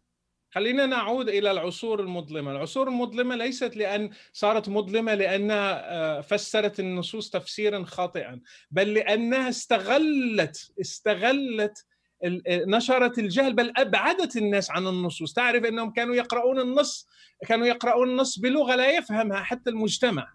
كانوا يحتكرون المعرفة بالعكس لما جاءت الطباعة وجاء وكان غرض المطبعة أصلا أن تعرف أنه أول ما طبع طبع الكتاب المقدس. نعم. وتم نشر المعرفة وصار وترجمه مارتن لوثر للعام للعامية يعني بإمكان أي إنسان أن يقرأ ويفهم نعم. بنفسه. حين قمنا بهذه الثورة المعلوماتية خلاص انتهت السلطة أو أو زيلت السلطة من من يد رجال الدين. وأنا قلت في البداية الإنسان يمكن أن يستغل أي شيء لخدمة مصالحه. المسيحية بدأت جيدة ثم استغلت ثم ابتدأت الفترة الإصلاحية إرجاعها للعصور الأولى التي كانت فيها جيدة. أما إذا قرأت النصوص الأولى مثلا تورتليان كان في القرن الثاني وليس ابن القرن 21 تجد أنه طالب بمساواة الكل انه الكل يخضع للقانون. قال أنه حتى الأمبراطور يعامل الكل من الصغير إلى الكبير وهذه في حد ذاتها كانت ثورة في العصر في العصر الروماني. يعني مستحيل أن تقول في روما انه الكل سواسية أمام القانون. مستحيل. وقالها تورتليانس في في في نهاية القرن الثاني الميلادي وهو مسيحي واستدل بنصوص مسيحية. لأنه أنا, أنا لم أقرأ هذه الترتوليان اذا اللي كان موجود. أنا لم أقرأ هذه الترتوليان إذا ترسل لي المرجع بعد. لا أشك فيما تقول أريد فقط أن أطلع عليه. آه بالنسبة لكن ذكرت ذكرت آه، مارتن لوتا ومارتن لوتا جيد. هو هو آه، قام بعمل جبار ترجم للعامية الألمانية والناس استطاعت أن تقرأ رغم أنه ليس أول من قام بالترجمة لكن كانت محاولات قبله. لكن هو اللي اشتهر بها لأنه كان يعني واضح آه، موقفه من الكنيسة الكاثوليكية كل هذه الأمور معروفة. لكن مارتن لوثر رغم كل هذه الأشياء الجميلة اللي عمل كان واحد من أكبر المعادين للسامية. فمارتن لوثر بماذا استفاد؟ وها هو الآن رجع إلى النص الأصلي ونعرف ال solas و sola scriptura واخذ رجع للكتاب المقدس. والأصل ممكن أن نقول أنه سلفي ممكن أن نقول أنه رجع أصولي أصولي رجع للأصل يعني.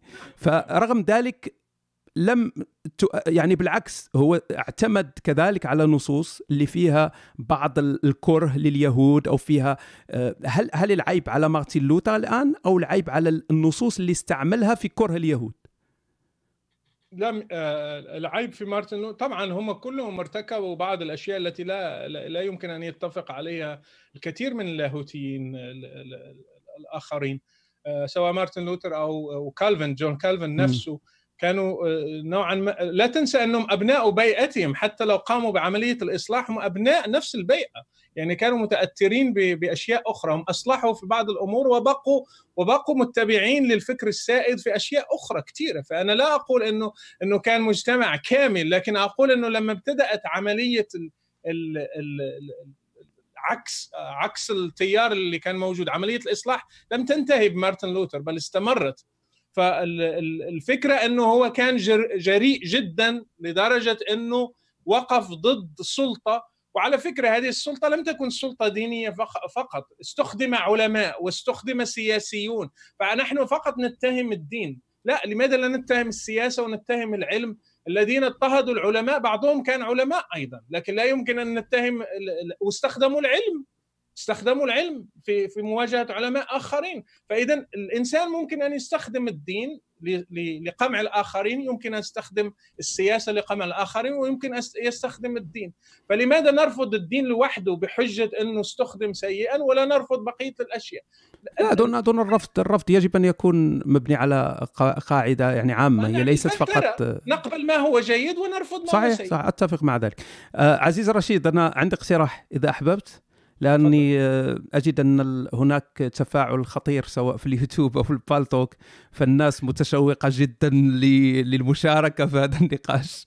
آه، فإذا أحببت يعني ما زال عندنا عشر دقائق تقريبا في الحوار قبل الأسئلة لكن إذا أحببت نفتح باب الأسئلة الآن. تفضل. فممكن نفعل ذلك. okay إذا الأخ رشيد موافق على فتح الأسئلة كما قلنا فتح المجال للأسئلة كما قلنا الأسئلة ستكون في ال Paltalk عن طريق ال raise hand. فبالترتيب رجاء السؤال يكون بلغة مفهومة آه، دارجة أو أو عربية آه، من الأفضل عربية. آه، وإذا لم يكن عندك إذا كان عندك مشكل في الصوت فسننقطك وياخذ اللي خلفك يأخذ آه، اللاقط. اذا معنا الأخ سفيان تي 14 أخ سفيان ممكن تطرح سؤالك علي وعلى الأخ رشيد؟ طيب الأخ سفيان غير موجود. أخ صديق أول تفضل عزيزي.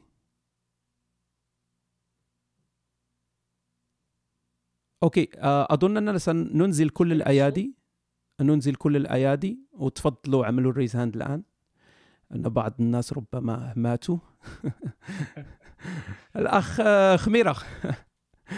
أخ خميرة واحد شو واش طابت شاطرتك؟ كويس تسمعني. هل تسمعوني؟ نعم تفضل عزيز. شكرا. آه، أهلا الأخ رشيد. آه، أريد أن أسألك عن الشعب العبراني. نعم. آه، عن أهمية الشعب العبراني في آه، التاريخ الإنسانية لأنه على ما أعتقد هو الشعب الذي آه، قال أنه كان يستمد الوحي من الله على مدى قرون فما هو دور الشعب العبراني عندك؟ شكرا عزيزي تفضل الأخ رشيد سؤال شوية ما عرفتش كان يعني أهمية الشعب العبراني يعني لولا الشعب العبراني يمكن ما كان يكون عندنا كتاب مقدس أصلا. فالشعب العبراني هو الأساس أعتقد هو أساس حتى تطور الإسلام أعتقد لولا وجود يعني مادة يستند إليها محمد لا أدري من أين كان سيأخذ المواد التي صاغها في قرانه على العموم أهمية الشعب العبراني كبيرة جدا وأعتقد أنهم كانوا آه، بمثابة المهد للمسيحية ولليهودية وربما ساهموا بشكل كبير بطريقة غير مباشرة في ميلاد الإسلام. آه، من ناحية أخرى أعتقد أنهم أيضا ساهموا في في في في آه، تقدم البشرية. يعني لو رجعنا للكثير من الأمور كانوا مساهمين بشكل كبير فيها. ولحد الآن نرى أنه بطريقة أو بأخرى سواء اتفقنا معهم أو كنا ضدهم الشعب العبراني مساهم لحد الآن بأشياء كثيرة في العالم سواء اعلاميا أو اقتصاديا أو في أمور أخرى. شكرا لا أدري إن كان هذا هو الغرض من السؤال أم هناك غرض آخر لا هو السؤال غير كانت فيه الخميرة بزاف وتنفخ أوكي أظن الأخت هند بنت عتبة الدور ديالها طاح لها الريزان تفضلي أخت هند. ما تاكلش لي الكبدة شكرا تحية. شكرا تحية. أخي نوصيك واهلا وسهلا. سمعت الاخ رشيد يقول بأن خرافة المسيحيه هي فيها تربيات وفيها حكمة وفيها عبرة وفيها مضمون ولا يهم ولكن أنا أجده دائما وأسمع. يتكلم عن محمد هل يعقل أنه صعد في البراق؟ وهل يعقل أن يكون هناك إسراء ومعراج ولا أعرف ما هو الضرر في الإسراء والمعراج؟ كان يجمل مسيحيته والكل يعرف فالمسيحية فيها حصة الأسد في الخرافة وهذا معروف. ولكن العيب والعار على من يبيع ضميره ضميره. سؤالي سؤال أخ رشيد كيف يفسر؟ كيف يفسر لي عن تلك المسيحية التي قال بأنها كانت جميلة وكلها يعني حالمة ووردية من أين أتت الحروب الصليبية؟ وهي لم تتف... هي لم تقدم العلمانية في طبق من ذهب بل كانت هناك حروب مات فيها الآلاف المؤلفة ومحاكم التفتيش أكثر أنواع التأديب التي عرفته البشرية وما زالت هناك. يتكلم ويجيبني السؤال عن لماذا الإسراء والمعراج فيه مضرة وخرافته في المسيحية ليست فيها مضرة. شكرا أخت هند. أه تفضل. الأخ رشيد آسف يعني آه، حاولوا تتفادوا الشخصنه قليلا. آه، شكرا. وأنا أنا سأرد يعني أنا ما تخافش أنا فران وقد بحومة. تفضل عزيز خاصك الخبيره وتبدا دير بيتزا سير. آه، الأخت بنت هند بنت عتبة أهلا وسهلا بك. ويا ريت يا ريت يعني في النقاش لأنه الغرض هو أنا ماشي ضدك ولا أنا حتى ما كان اعرفكش أنا نعرف غير الاسم. أنا لست ضد أحد. فيا ريت أنه لا تكون هناك شخصنه آه، العيب وكل العيب على من باع ضميره. كيف عرفتي أنه أنا بعت ضميري؟ هل لمجرد أني لا أتفق معك في رفض كل الأديان أنا خلاص بعت ضميري. فبماذا تختلفين عن عن المسلم الذي يقول أنت بعت ضميرك؟ وبماذا تختلفين عن الآخرين؟ ما هو التغيير إذا كنا فعلا جادين ونريد وفعلا مخلصين لأفكارنا؟ نريد أن نساعد الناس أمثالنا أن يفكروا ويستقلوا ويأخذوا قرارات لأنفسهم.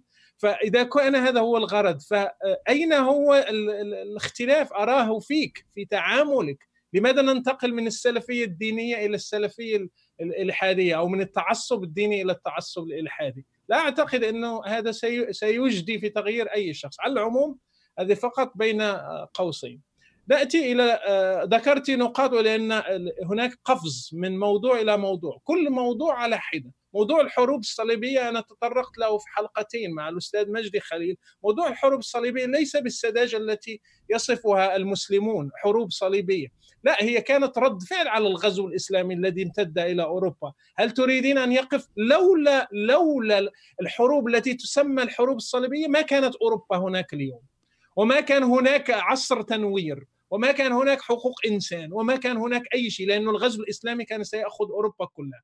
فهم أوقفوا الزحف الإسلامي وحتى الحجاج الذين كانوا ذاهبين من العالم الغربي إلى القدس تم قتلهم في الطريق وهو مخالف لكل الأعراف البشرية. فانتفض المسيحيون وقالوا غير معقول أن نقف مكتوف الأيدي أمام هؤلاء. فتمت الحروب الصليبية. يعني باختصار أما هناك داخل القصة تفاصيل أخرى. لا يسمح بها مجال الوقت. أما محاكم التفتيش أنا كما قلت لا أبرئ المسيحيين لكن أنا أبرئ النص. المسيحيون مثلهم باقي مثل باقي الشعوب بعضهم سيء وبعضهم جيد. بعضهم التزم بتعاليم المسيح وبعضهم استغل تعاليم المسيح لتحقيق معاربه لا يستطيع أن ينكر هذا أي شخص. محاكم التفتيش فعلا كانت آه، وصمة عار في تاريخ المسيحيين. لكن أين يقول الكتاب المقدس قوموا بمحاكم التفتيش؟ لا توجد ولا وصية واحدة. ولم يقم الجيل الأول من المسيحيين بأي محاكم تفتيش. فلماذا نلوم النص؟ ومع العلم أن الذين كانت تصيبهم محاكم التفتيش نفسهم كانوا آه، مسيحي كثير منهم كانوا مسيحيين مؤمنين. وحتى العلماء بعض العلماء الذين تم اتهامهم أو أو أو معاقبتهم كانوا مؤمنين بنفس النص الذي يلت... يلجأ له الآخرون ويريدون أن يضطهدوا مخالفيهم. فاذا هي آه، آه، ممكن أقول مانيبيوليشن هي هي هي ساعدني أخي هشام في الكلمة العربية يعني مانيبيوليت يعني تحويل للمفاهيم. آه يعني قريبا. هي هي استغلال استغلال للنص الديني لاضطهاد الآخرين فقط لا غير. أو تلاعب آه، هذا هو نعم, نعم. آه لكن بالنسبة للشق الآخر من السؤال اللي سألته الأخت هند آه آه, آه بالنسبة للإسراء والمعراج. الإسراء والمعراج كما قلت لو كان مجرد فكرة أنه هم يؤمنون أنه الرسول ذهب إلى السماء وأعطونا قيمة جيدة من هذه الفكرة لقبلناها. لكن أن تستغل القصة لفرض الصلاة مثلا على الإنسان أنه سيعاقب إذا لم يصلي وفرض الصلاة وجعلها فرض ويعاقب تاركها قصة المعراج لا تنتهي ما هو الأفكار لها نتائج والقصص لها نتائج ولذلك أقول انظروا إلى نتائجها. لا تنظروا إليها فقط من منظار علمي فقط انظروا إلى نتائجها. حين تكون القصة مؤذية على أرض الواقع تصير أداة لفرض الصلاة تصير أداة للدلالة على على انه محمد له الحق أن يشرع لأنه اخذ سلطة من خلال هذه الادعاءات أخذ سلطة فصار هو المشرع. ويا ريت تشريعاته كانت جيدة ونافعة للبشرية لا لكان على راسي وعيني. لكن هو تشريعاته مسيئة للبشرية. ولذلك أرى من حقي أن أعود إلى هذه القصة وأفككها وأري للناس مع عيوبها حتى لا يبقوا خاضعين لنتائجها. نعم. وأظن إن هي قصدت كذلك أنه أنت انتقدت فكرة أنه ذهب للسماء. رغم أنك تؤمن بأشياء أخرى لكن الواضح من طيب جوابك أنك أنا اساعدها أعطيها المقابل إنه نؤمن أنه المسيح ذهب للسماء. أنه ذهب في السماء. لكن أي نتيجة تترتب سيئة على المجتمعات و و ونرى نتائجها؟ أي نتيجة في هذا؟ أنه سيعود مرة أخرى و... أنه سيعود مرة أخرى أخرى. لكن نؤمن بعودة العدالة المطلقة. إنه سيحاسب الناس وسيحاكمهم بعدالة مطلقة. أنا قلت أنا لا أؤمن بمحدودية العدالة في العالم المادي. أنت تؤمن بها هذا شأنك. لكن أنا أؤمن إنه في عدالة. مهما مهما تهربت من العدالة. أختي هند أختي هند نو نو نو نو نو نو أختي هند نو بليز بليز سالتي سؤالك وهو قاع تيجاوب على يعني واخذ وقته كامل تيجاوب فما نقزوش على ال mic please لأن هذا حوار وهذه فرصة فقط لطرح الأسئلة. آسف أختي هند. يعني هذا الأمر لا يستقيم تماما. آه ندوزوا لأسئلة أخرى لأنه يعني enough merci please. آه الأخ ايم ليدر أو الأخت ايم ليدر آه تحية للأخ هشام ونصيك والشباب. السؤال راح المهم هو كاين بزاف ديال المغالطات اللي تحدثتي عليها. اولا اولا آه، ليس ليس يرجع لفضل للمسيحيه في انشاء القيم. آه، حقوق الإنسان هي حقوق تراكمية. بزاف آه، ديال الديانات مرت على البشرية. تنتحدثوا على الفرعونيات السومريات والغرق ديال الديانات الأخرى اللي كلها تحدثت على القيم وكل مرحلة آه، تتشكل واحد التراكم ديال الإنسانية. وطبعا الحضارات تتراكم المعلومات ديالها والمعارف ديالها باش تعطينا في الأخير واحد واحد المنتج اللي هو وصلنا على شكل حقوق الإنسان. هذا من جهة. من جهة أخرى بالنسبة للخرافات اللي تتقول فليست أيضا من المسيحية والخرافات كلها الناس اللي تعرفوا الانثروبولوجيا والتاريخ وهذاك الشيء كاينين كاينين ملحمات وكاين أساطير كما تيقولوا الأخرين محمد تيقولوا لي أساطير الأولين. فهما قصص قديمة بزاف ترجعوا لما قبل المسيحية وما قبل حتى الديانات آه، الإبراهيمية وقبل نشوء آه، الديانات التوحيديه وما إلى ذلك. فالأمر اولا بعدا تيرجع بعدا إلى كان واحد الشخص اللي هو عنده واحد الإيمان بعقيدة. بغى يتحاور مع واحد الشخص اللي هو ما عندوش إيمان بعقيدة ولا مختلف معاه بعقيدة فالأصل الرجوع إلى العلم والعلم الوحيد اللي تيدرس هذا الشيء هو علم الأديان ولا أصل الديانات.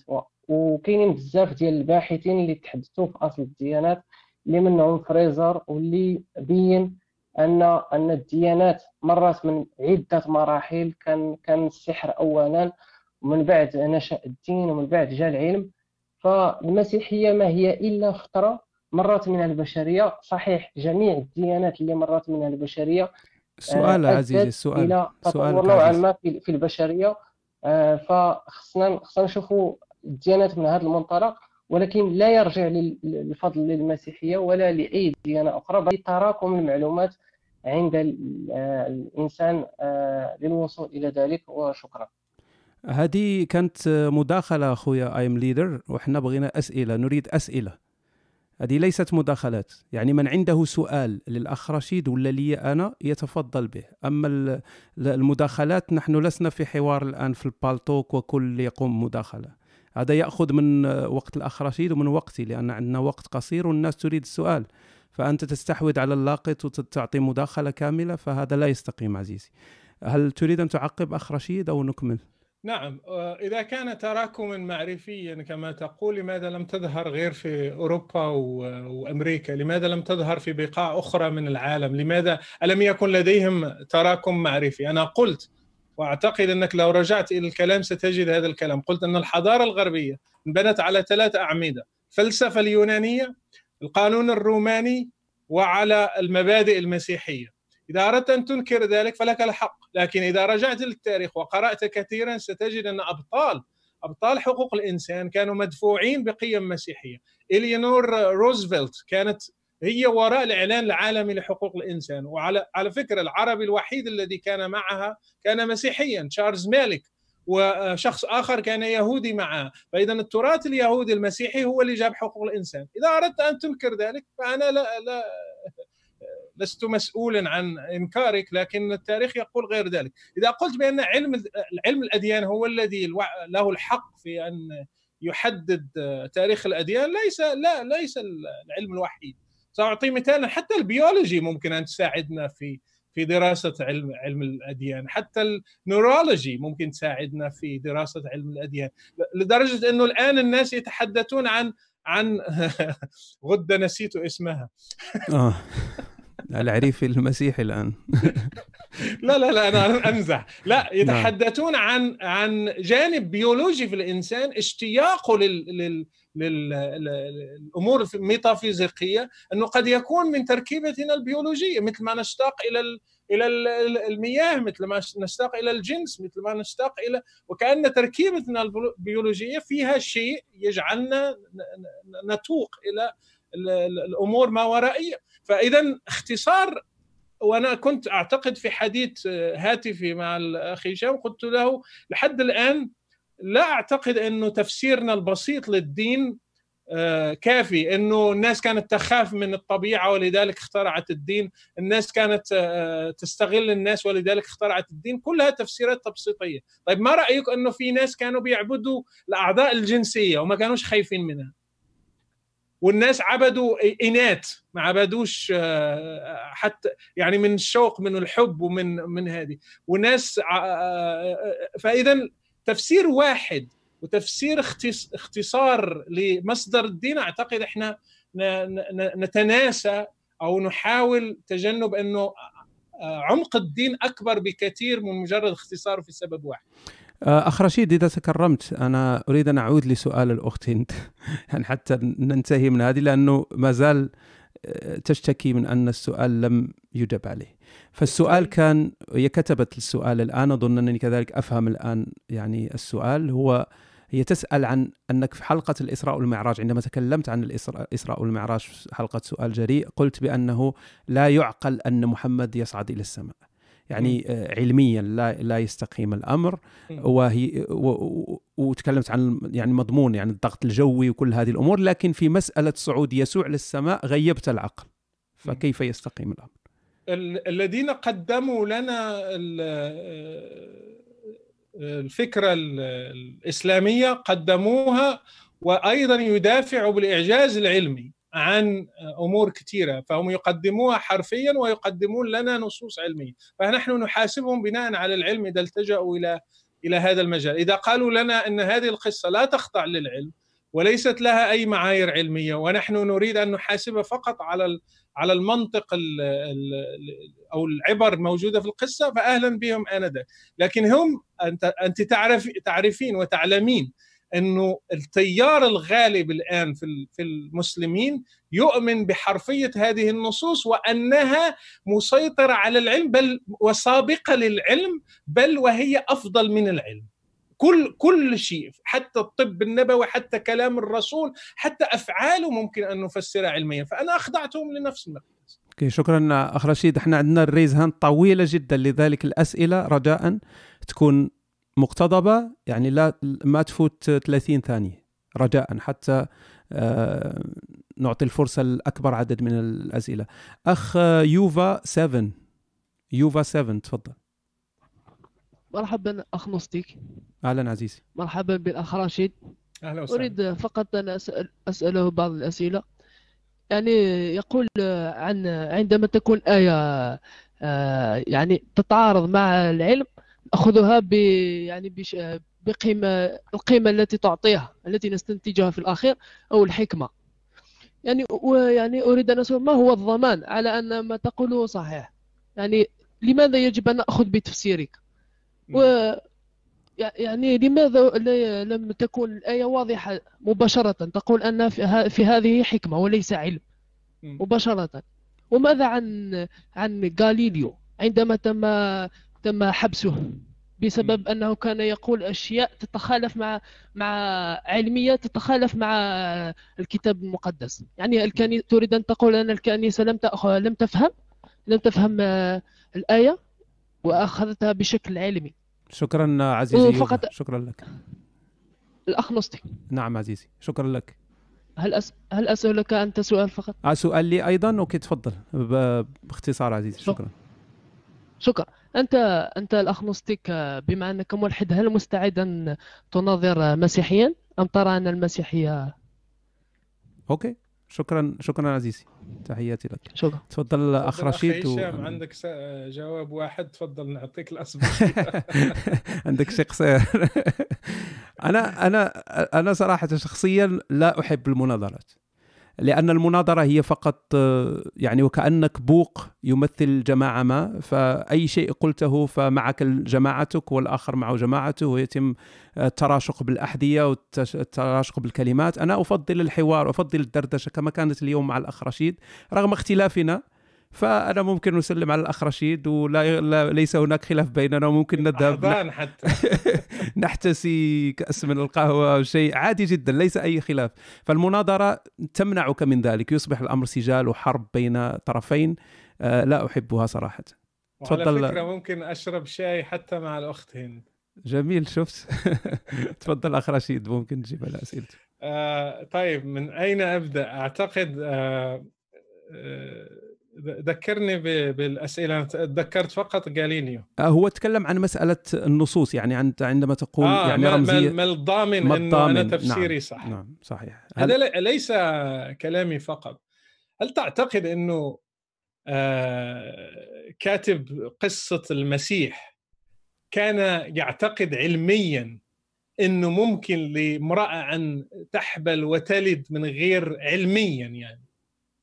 أنا قلت حتى حتى آه، خطيبها أدرك أن هذا مستحيل علميا. فالفكرة انه علماء الأجنة اللي كانوا عبر العصور هل تعتقد أنهم لا يعلمون انه هذا أمر مستحيل علميا؟ هل تعتقد أنه mathematician آه، آه، كبير مثلا لا يعلم؟ حتى مش mathematician أي إنسان عادي. لا فالقصة اذا لا تحاكم اطلاقا بناء على مبدأ علمي. لا الغرض من قصة المسيح أنه غير مولود من رجل مش إنه يقول لنا إنه هذا مبدأ علمي بل يقول إنه خلاص الناس لازم ان يأتي من خارج الناس لأن الناس كلهم عندهم نفس الشيء كلهم يقومون بالشر ويقومون بالخير فما لا نستطيع أن نعتمد في خلاصنا على الإنسان. هناك عبر كثيره ممكن أن نستخلصها من القصة لكن أنا أعطيت واحدة من هذه. فالغرض هو الذي يحدد. ما الضمان؟ روح اذهب اقرأ للاهوتيين كثيرين. يعني عبر العصور من منذ بدء المسيحية في ناس آه، آه، أكدوا على هذه الأمور أنه غرض النص ليس العلم وإنما غرض روحي أبعد من العلم بكثير. بالنسبة لجاليليو جاليليو نفسه كان مؤمن. جاليليو ما كانش إنسان غير مؤمن. جاليليو نفسه كان مؤمن. والذين وقفوا مع جاليليو ونشروا أعمال كوبرنيكوس كانوا أيضا مسيحيين والذين ساندوا فاذا كان هناك ناس مع وناس ضد. وعلى فكرة لا يوجد نص في المسيحية يقول أنه الأرض هي المحور بل هي استنتاجات وتأويلات للنصوص. لا يوجد أي نص صريح. وأيضا علميا المنطق العلمي أو النظرية العلمية السائدة إلى وقت إلى ذلك الوقت كانت هي ال geocentric نظرية محورية الأرض. ما كانش ال heliocentric. فهم جابوا نظرية تخالفهم علميا واعتقد البعض أن تخالفهم حتى دينيا. فعارضوهم بناء على مبدأ علمي وبناء على الدين مش مش واحد فقط. فهل نتهم العلم أنه أيضا كان يضطهد العلماء؟ لا لا نتهم العلم. وبالتالي لماذا نتهم الدين لوحده؟ very selective يعني المنطق انحيازي جدا. لماذا لا نتهم العلم رغم أنه كان هناك علماء من الطرف الآخر قاموا وثاروا ضد غاليليو؟ okay. فاذا لازم نكون نقول إنه تم استغلال النص الديني لاضطهاد غاليليو هذا هو الأسلم.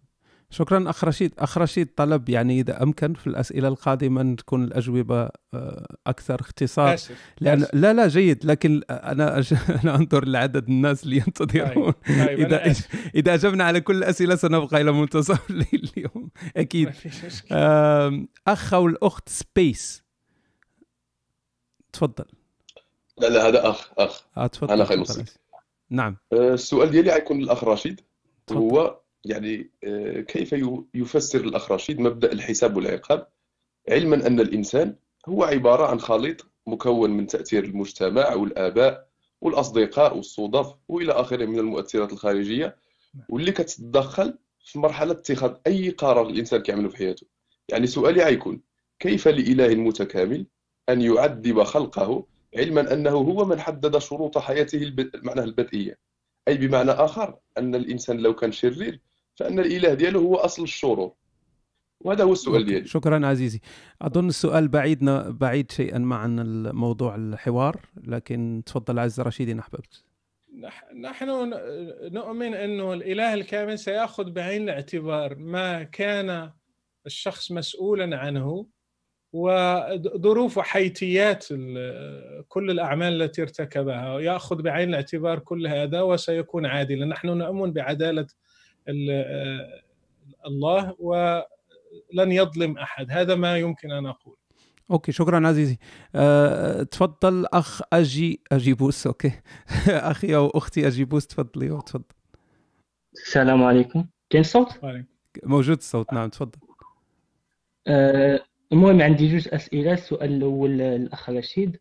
بغيت نعرف زعما إذا إذا أردت أن اعتنق دين معين كيف يمكنني أن أن أميز بين الدين الصح والدين الغلط؟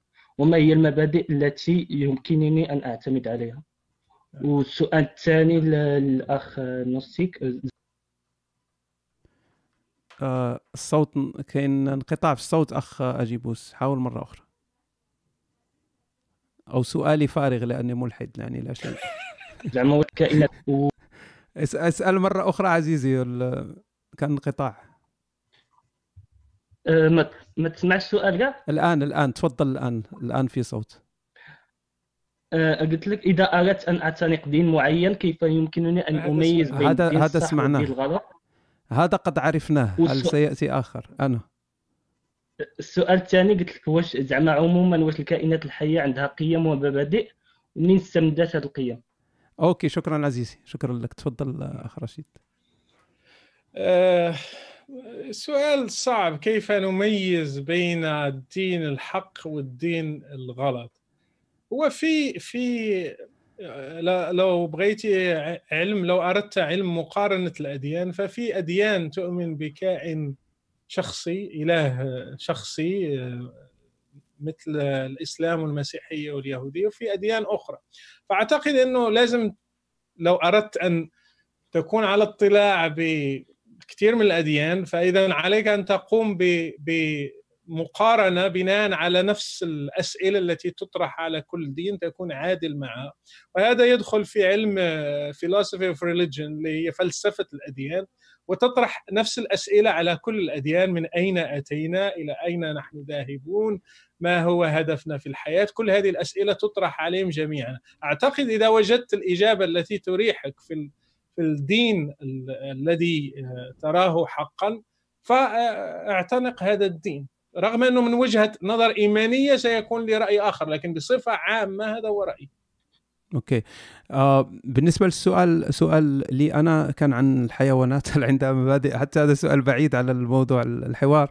أظن أن هناك دراسات علمية كثيرة آه، قام بها علماء وكان في آه، توضح أن هناك أشياء مثل التعاطف تعاون تراحم آه، حتى في الفئران وفي القردة وفي مجموعة من الحيوانات. يعني هذه مسائل ممكن أن تكون داخل المجتمعات الحيوانية كذلك. هل للحيوانات نفس الوعي نفس الثورة الإدراكية؟ التي تعرض لها الإنسان ليس هناك دليل على ذلك. هل ممكن أن تحدث في المستقبل؟ لا يمكن أن نقول نعم أو لا.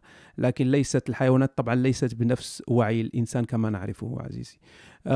okay أظن الأخ خضوره كان عنده raise hand وسقط. تفضل الأخ الاخ خضوره تفضل. خضوره عزيزي تسمعني؟ والأخ موسى كذلك. تفضل أخ موسى. ألو. أوكي نأخذ خضوره وبعده الأخ موسى. تفضل اخ تفضل عزيزي. هو سؤالي. صراحة عندي سؤال وعندي واحد ال... واحد ال... إعادة سؤال ديال واحد الأخ معنا السؤال ديالو ما تفهمش وما وما, وما تجاوبش عليه. ماشي الأخت هند ياك؟ إذا كان ممكن لا لا ماشي لا أنا السؤال ديالي. الأخ رشيد تيقول لنا بأن السيف هو الكلمة وبأن ليسوع ملي دخل المعبد وريب المعبد وهاجم المعبد بالعصي ما ريبش. أه وملي قال الأطفال ديالو ولا الأتباع ديالو شريو السيف ودافعوا عليا. okay. أه ما كانش كيعني القتال. أه وملي تيقول شحرور نفس الهضرة. أه رشيد كيتقلق. تيقول لك شحرور يغير حقيقة الإسلام. شنو الفرق ما بين رشيد وشحرور في هذه القضية؟ أوكي. محمد شحرور حتى هو تيقول لك أودي داكشي في السياق ديالو خصنا نفهموا القصص رمزيه الأساطير حكا غير علاش غادي نتبناو حنايا؟ وغادي نستوردوا واحد الدين من الخارج و... والعوض أننا نصلحوا ديننا اللي هو الإسلام. إلا كنا غادي غير نعتبروا الخرافة كرمز للتعليم وكذا وكذا. وهو براسو في البرامج ديالو ديما تيستدل بشكون؟ بالمفسرين الأوائل. نعم. هو براسو تيقول لك بأن الكنيسة الأولى ما فهمتش المسيحية. لا لا. وعلاش الفقهاء الاوائل فهموا الإسلام والمسيحي والكنيسة ما فهمتش المسيحية. فهمها غير الاخ رشيد هذا هو السؤال ديالي. وقلت انه السؤال الثاني سؤال نعم. لا السؤال اللي اللي ما تعطاش حقه وهو أن الأساطير اللي تيهضر عليها الاخ رشيد اللي هي كتبها إنسان باش يعلمنا واحد الرموز زوينه هاد الأساطير كاينة عند السومريين وسرقوها اليهود وداروها في الكتاب ديالهم. شنو ردوا على هذه النقطة هذه وهذه القصة اللي قال السيد اللي مكتوبة في فريزر وهضروا عليها المؤرخين والألواح السومرية تتحكي لنا نفس القصص اللي في التوراة. علاش ما نآمنوش مثلا برب برب هذا سميتو برب السومريين؟ علاش بالضبط نقبلوا يسيع ربا ومخلصا؟ ياك نفس الاساطير نفس القصص. هادو جوج أسئلة ممكن يجاوبني عليهم. شك... شكرا عزيزي خضوره أظن أن السؤالين معا يعني أسئلة جيدة فتفضل تفضل. وهي أسئلة جيدة لكن مشكلة الوقت كيفاش غادي لا اعلم أعلم ذلك. حاول نختصر نعم لأنها معقدة. ومتشابكه اولا أنا أنا ما قلتش أنا الوحيد اللي كنفهم هذا. لا لا بغيتي تأخذ مراجع كثيره اللي ممكن ترجع ليها ثانيا ما قلتش أنه الكلمة هي السيف أو السيف هو الكلمة لأنه بحسب كل نص خاصك تعطيني النص والسيف اش غادي يعني فيه مثلا لم آتي لألقي سلاما بل سيفا ما تعنيش تم الكلمة اطلاقا ما جاتش في هذاك سيف الكلمة سيف الروح سيف الكلمة موجود في أماكن أخرى. فما جئت لألقي سلاما بل سيفا أنه فعلا هناك سيف ولكن ما ما قالش لهم سيروا خذوا على ناس أخرين قال لهم عباد الله هذه الهضرة اللي كنقول غادا تجيب لكم أنتم السيف. السيف اللي كان اللي كان كيتحدث عنه المسيح هو الاضطهاد الذي سيقع على تلاميذه. وهذه معروفة. في إنجيل متى لو قريتي السياق ديالو في الأصحاح العاشر من الأول إلى الأخير ستفهم أن هذا السياق لا مجال لإعادة الكلام في هذا. بالنسبة هل أنا الذي فسرت هذا؟ لا منذ بداية المسيحيه ارجع لبداية المسيحيه ستجد هذه التفسيرات أنا مش شحرور الاستثناء. شحرور الاستثناء وليس القاعدة. أنا أتحدث عن القاعدة. ولم أقل أن الكنيسة الأولى لم تفهم بالعكس قلت أن الكنيسة الأولى كانت أقرب إلى الفهم الصحيح. بعد هذا جاءت العصور المظلمة. فالعكس هو الذي حصل. وعندما جاء المصلحون قالوا نعود إلى الأصل ونقفز العصور التي تم استغلال الدين فيها. بالنسبة لي آه، آه، أيضا آه، شحرور. شحرور لا يلتزم بما قاله المفسرون الأوائل لا يلتزم بسيرة الرسول لأن هاد العنصرين وبالمجتمع المسلم الأول. هذه ثلاث عناصر. المجتمع المسلم الأول سيرة الرسول المفسرون الأوائل. أنا بالنسبة لي يخدمني سيرة المسيح تخدمني لأنه لم يرفع السيف ولم يقتل أي شخص. بالنسبة لطرد الباعة ليس قتلا ولا يمكن أن تقارنه بالجهاد. أنا ممكن أطرد الباعة. إذا رأيت انه كنيسة تحولت إلى متجر وإلى مكان لم لم توجد له من حقي أن أقول لهم ما هذا الذي تفعلونه؟ وهو فعل مارس هذا هذا الحق. له الحق. لم يقتل شخص لم يقتل أي نفس. تريد أن تحاسبه على هذا؟ هذا شأنه. ممكن أن نغضب لأشياء نراها غير أخلاقية.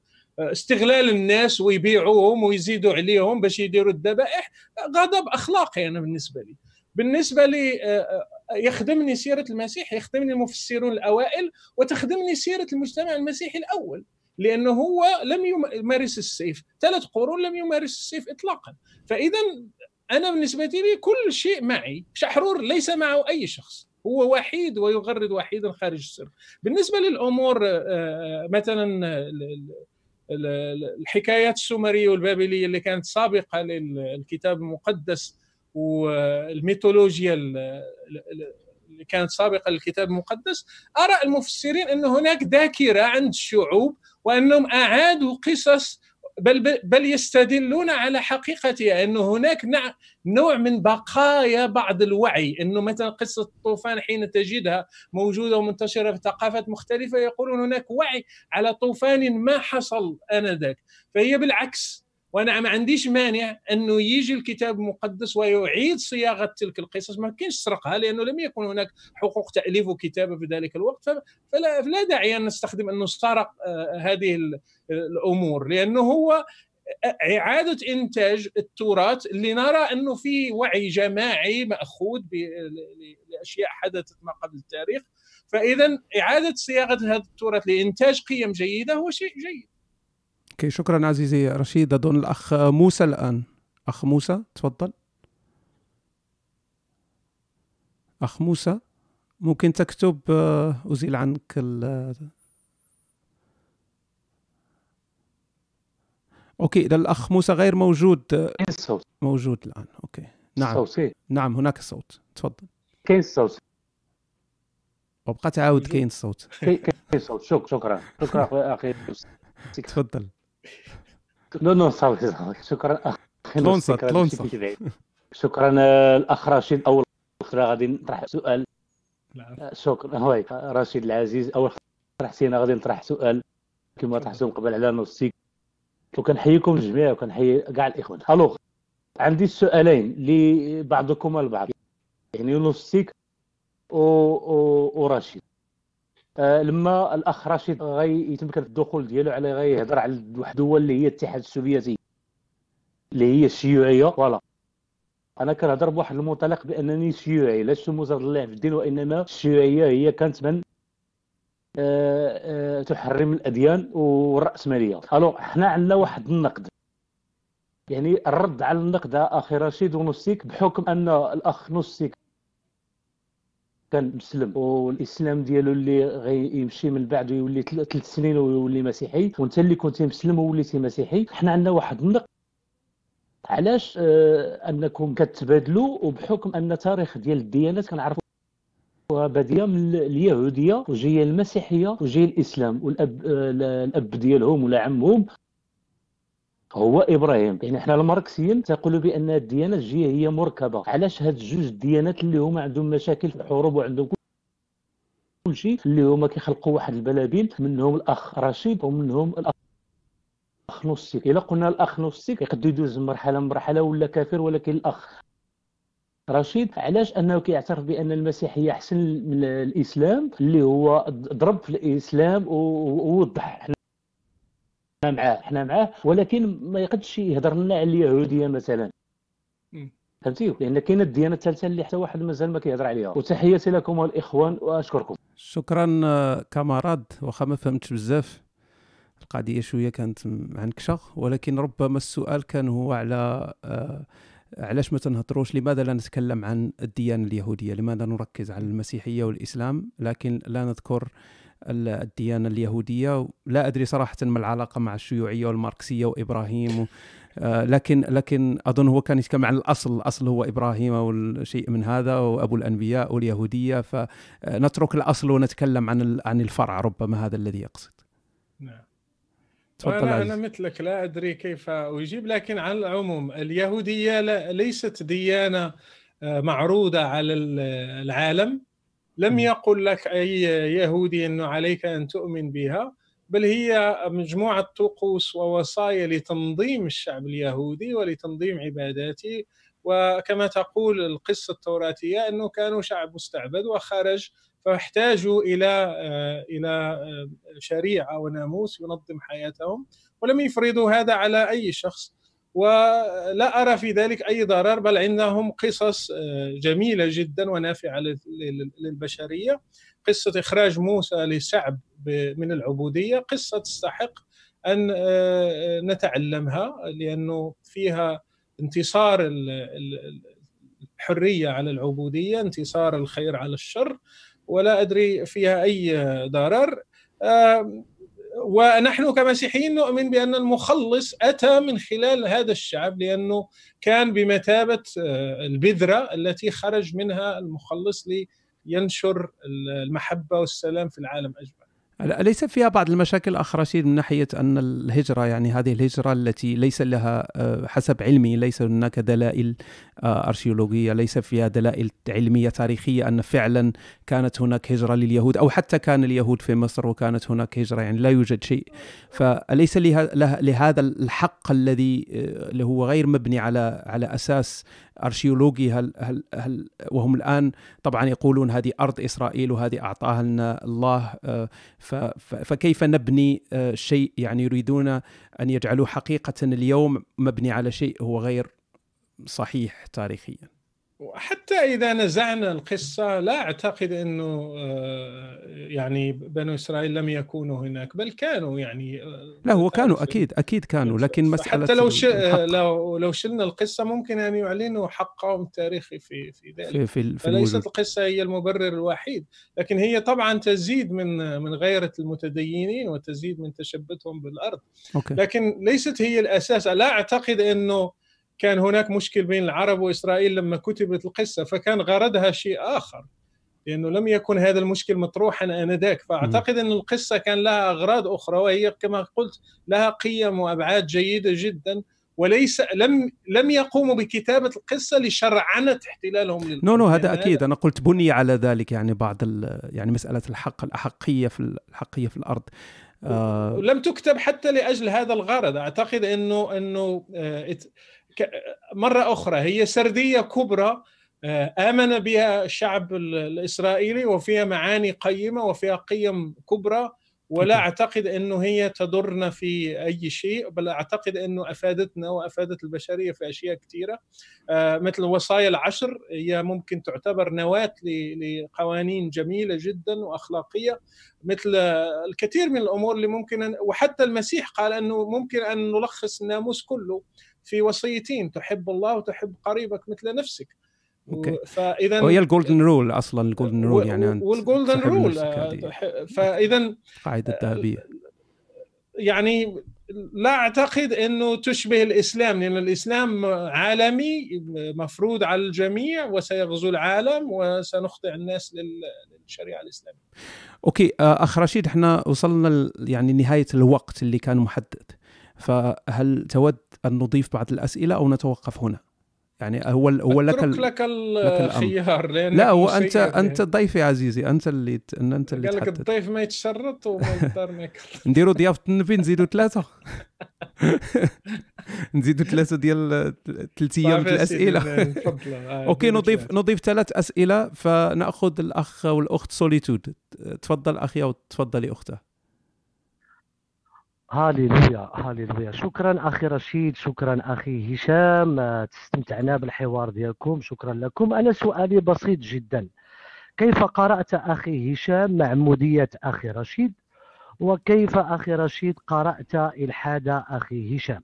وباسم الإنسانية كيف يعتقد الإنسان بأنه يستطيع أن يحكم على إنسان آخر بالخرافة رغم أنه يأمرك بمكارم الأخلاق واحترام الوالدين وينتقد نفسه في القرآن.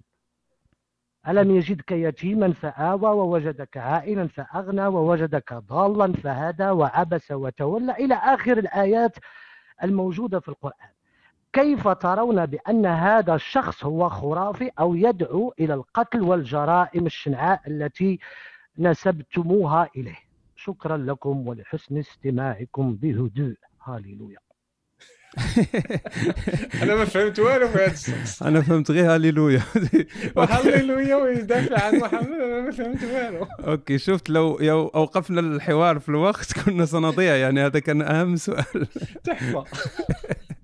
شكرا عزيز سوليتود أنا أنا سأقول يعني هو أظن قال رأيك في مسيحية وقال معمودية رشيد يعني مسيحية رشيد. أنا سأجيب عن شخصي لأن السؤال كان موجه لي. وأنا أختلف ربما مع الكثير من من الملاحدة. أنا لم يزعجني يوما من الأيام تحول شخص من الإسلام إلى المسيحية. ابدا. آه، لا تزعجني مسألة الإيمان بخرافات بين مزدوجين ما يزعجني هو الأمور الأخلاقية. آه، الأخ رشيد آه، أتفق معه في الكثير من الأمور. ربما المسائل الأخلاقية كلها نتفق فيها. فإذا مسألة الخرافات نعم ليس لها ضرر. يعني حتى لو آمنت أن مسألة مثلا خرافة وهو آمن أنها ليست خرافة أو فيها شيء مهم أو هذه أمور لا لا تشكل لي أنا إزعاجا. آه، أنا أظن أن الإسلام كدين هو أخطر إيديولوجية على الإنسانية. وأنا يعني أوظف وقتي وأوظف طاقتي أكثر مع مع هذه الأيديولوجية الخطيرة، لذلك أنا لا يزعجني إيمان شخص لا بمسيحيه أو هندوسية أو أي شيء، الأهم هو أننا إنسانيون وأننا نحترم بعضنا البعض ونحترم حقوق الاقليات، تفضل عزيزي. وأنا ارى آه، الأخ هشام آه، شخص آه، ذكي ومطلع ويا ريت يكون عندنا شباب في المغرب مثل الأخ هشام كثيرون يعني هذا شيء وداعي للمفخرة. وأنا أدافع عن حرية الملحدين في أن يلحدوا كيفما شاءوا ولا أسمح لأي شخص أن يتهمهم أو يتهجم عليهم بغرض أن يمنعهم من هذا الحق. لكن في نفس الوقت أعتقد كلنا ينبغي أن نستمر في مسيرة البحث والنقاش حتى آه، نستفيد جميعا ونمضي في آه، مسيرة التنوير. بالنسبة للسؤال الآخر كان عن قال محمد كيف نرى أنه شخص لا أخلاقي آه وهو آه آه نعم قد نعم. لام نفسه في القرآن نعم, نعم. وأمر بإكرام الوالدين. أنا أشكرك عزيزي أولا على هذا الكلام الجميل الذي قلته تجاهي لا أظن أستحقه لكن نعم. شكرا لك. بالنسبة لمحمد يعني أنا أظن أنه نفس النصوص التي ذكرت هذا هي نفسها التي ذكرت المسائل الأخلاقية الأخرى. فإذا اعتبرنا أن نفس الكاتب هو نفسه فلماذا لا ننتقده في هذه الأمور؟ تفضل نعم. عزيزي. وهو محمد لم يتحدث عن إكرام الوالدين فقط ليته تحدث عن ذلك فقط. وليته تحدث عن إكرام اليتيم. لكنه تحدث أيضا عن آه، ملك اليمين وتحدث أيضا عن قطع يد السارق وتحدث أيضا عن رجم الزاني وتحدث أيضا عن آه، اغتصاب الصغيرات تحت مسمى الزواج. وتحدث أيضا عن أمور أخرى لا يمكن أن أقبلها. ويا ريت أن المسلمين كانوا قالوا لنا هذه مجرد حوادث تاريخية حصلت في القرن السابع. لا هم يعتقدون انها شريعة صالحة لكل زمان ومكان وينبغي أن تفرض علينا في هذا الوقت وفي هذا الزمان. ولذلك نحن نقاوم هذا لأنه رأسي ورأس الأخ هشام أيضا في خطر من هذه الإيديولوجية. وحياة الكثير من الملحدين ولذلك أقول رسالة لكل الملحدين. لا تضيعوا وقتكم مع المسيحية بل, بل أغلب الذين رأيتهم ملحدين شخصيا يتحدثون من بلدان غربية. ويتحدثون من بلدان كانت أصولها مسيحية أو فيها تدين مسيحي كبير جدا ومع ذلك يتمتعون بكل حقوقهم. تحدثوا عن عن العقيدة التي تضركم التي تطالب بقطع رؤوسكم والكثير منكم عندهم نيك نيمز ليس خوفا من المسيحية بل خوفا من الإسلام. فاذا ينبغي أن نستغل الطاقة ونستغل المجهود في محاربة ما يضرنا جميعا. جميل. أنا أنا أتفق مع الطرح عزيزي لذلك أنا أركز كذلك أكثر على الجانب الإسلامي. بالنسبة لي هناك معنا أخ عنده آه، مشكلة في في النطق. يعني عنده صعوبة في النطق عنده آه، اعاقه أظن. فلذلك هو طلب مني يعني طلب لا يستطيع أن يأخذ اللاقط فطلب مني أن أسأل السؤال آه، أنا أسأله وأرسله كتابة. فالسؤال يقول لماذا لا يستطيع الله؟ هو سؤال لك عزيزي رشيد يعني لماذا لا يستطيع الله أن يكون واضحا فيما يحكيه لنا؟ لماذا نحتاج أن نحن أن نفرق بين ما هو رمزي ما هو حرفي ونختلف وتكون خلافات بيننا وهذا يؤمن بحرفية النص وهذا مجازي لماذا لا يستطيع الله أو لم يستطع الله أو يسوع في الأناجيل كما قال أنه يعطينا أشياء واضحة آه، ليس لها تفسيرات كثيرة فهناك واضحة. أعتقد أي خطاب وأي كوميونيكاسيون اي شيء ممكن أن يفسر غلط. أي طريقة للتخاطب يمكن أن تفسر غلط ليس بسبب محدودية الله لكن بسبب محدودية البشر. فاللغة عاجزة والكلمات عاجزة والكلمات محدودة. حتى الصورة أحيانا ليست كافية بنقل كل شيء. وحتى حواسنا وإدراكنا حتى في مجال مناقشة كيف نعرف أو طرق المعرفة عن طريق الحواس. حتى حواسنا تخدعنا أحيانا. فإذا هي إشكالية. لا أعتقد هي بسبب عجز الله. أنا شخصيا كمؤمن أعتقد بسبب محدوديتنا كأشخاص. وسيلة تواصل okay. نعم. آه سنضيف آخر سؤال. آه وآسف جدا لمن لم أطرح آه أو لم أطرح سؤالها. فآسف جدا. نأخذ الأخ والأخت. أوشي آخر سؤال. تفضل أو تفضلي. أوشي. غير موجودة. أخ أوبن مايند نأخذ آخر سؤال منك. أوبن مايند 7 تفضل. أخويا أخويا نوستيك. نعم آخر سؤال. اخويا نوستيك. حنايا voilà أنا بغيت نسول الأخ أنه قال آه، بغيت نسولو سؤال اسئله صراحة أنه قال آه، الأخ أن مثلا احذروا الإسلام وما تحذروش المسيحية. فأنا تنقول هنا الرأي ديالي تنقول جميع الأديان خطر على الإنسانية. ما تجيش أخويا مثلا هنايا تنحترمك تنحترم يعني الدين ديالك مثلا ولكن آه، من بين كما تنقولوا من بين الشمكرية. ما تعزلش واحد كما تنقولوا أنا عطيتك غير مثال ياك عطيت كلهم فيروسات. كلهم لأن نحن أنا مثلا كنعيش في مثلا في بريطانيا ياك ولكن كنعيش في دولة علمانيه ما كنعيش في دولة مسيحية. كون عشت في دولة مسيحية آه، آه، آه، كون على يقين أنه ما غاديش ما, ما غاديش نبان وغننتقد مثلا ديك المسيحية في ذاك البلد الإسلامي. حتى هما بحال بحال. كون على يقين كون كنت مثلا في بلد مسيحي غادي ندير نيك نايم غادي ندير نيك نايم وما غاديش نبين له لأن المسيحية حتى هي أخطر. لأن قال واحد الكلمة خويا هشام قال بأنه بالنسبة للقرون الأولى أنه المسيحية من أوج العطاء ديال المسيحية. وكان واحد السلم كان واحد الدين اللي هو زوين ديال أنا بغيت نشرح لك أخويا أخويا رشيد أنت براسك إلا ما كنتيش تعرف بأن المسيحية نهارت قوات. من خلال ثلاثة القرون. نهارت قوات كما جميع الأديان كما الإسلام حتى هو نهارت قوه وعنده واحد السيطرة ما رحمش حتى شي واحد. يشد ويقتل والحروب الصليبية ومثلا والمشاكل المشاكل شد بنادم قطع عليه الرأس. أنا كنقول جميع الأديان بدون استثناء كلهم يطيحوا فيك تكون أنت مثلا مخالف عنهم يشدوك يحيدوا لك راسك. احد ديركم الإخوانة كاع اللي كينفروهم هنايا ما, ما, ما, ما نصبغوش شي ديانة أخرى ولا ولا سميتو كل شيء الأديان كلهم خطر على الإنسانية.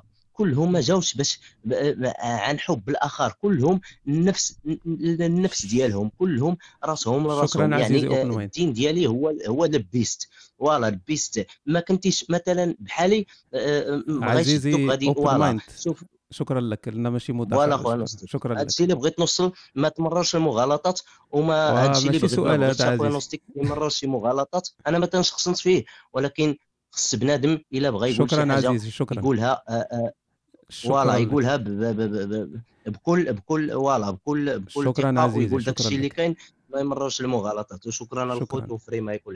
شكرا. هذه ليست مداخلات الإخوة. نحن فتحنا باب للأسئلة. إذا عندك سؤال تطرح سؤال. أما أن تأخذ اللاقط وتنتقد بهذه الشدة تنتقد الضيف فهذا الأمر صراحة لا يستقيم. آه، تقول أنه يمرر مرر مغالطات ويعمل كذا وكذا. هو ليس في في قفص الاتهام يعني اللي هو هو ضيف وما تمررش بالأمر يعني. حاضر نعم. حاضر لكن لكن لنحور مداخلتك إلى سؤال يعني إلى سؤال.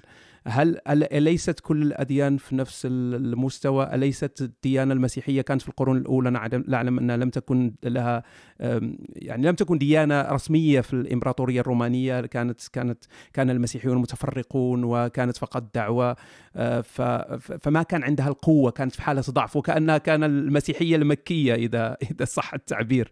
فعندما أصبحت ديانة رسمية بدأ بدأت الأمور غير الجيدة. هل هكذا كانت الأمور؟ لا لا ليس هكذا لأنه هذا هذا نوع من التعميم وهذا هو التعميم الخطير. كل الأديان ما هو لو أردت أن أقوم بنفس التعميم أقول لك حتى الإلحاد خطير والإلحاد يقتل. وانظر إلى كوريا الشمالية وانظر إلى آه، ستالين وانظر إلى كذا وانظر إلى كذا.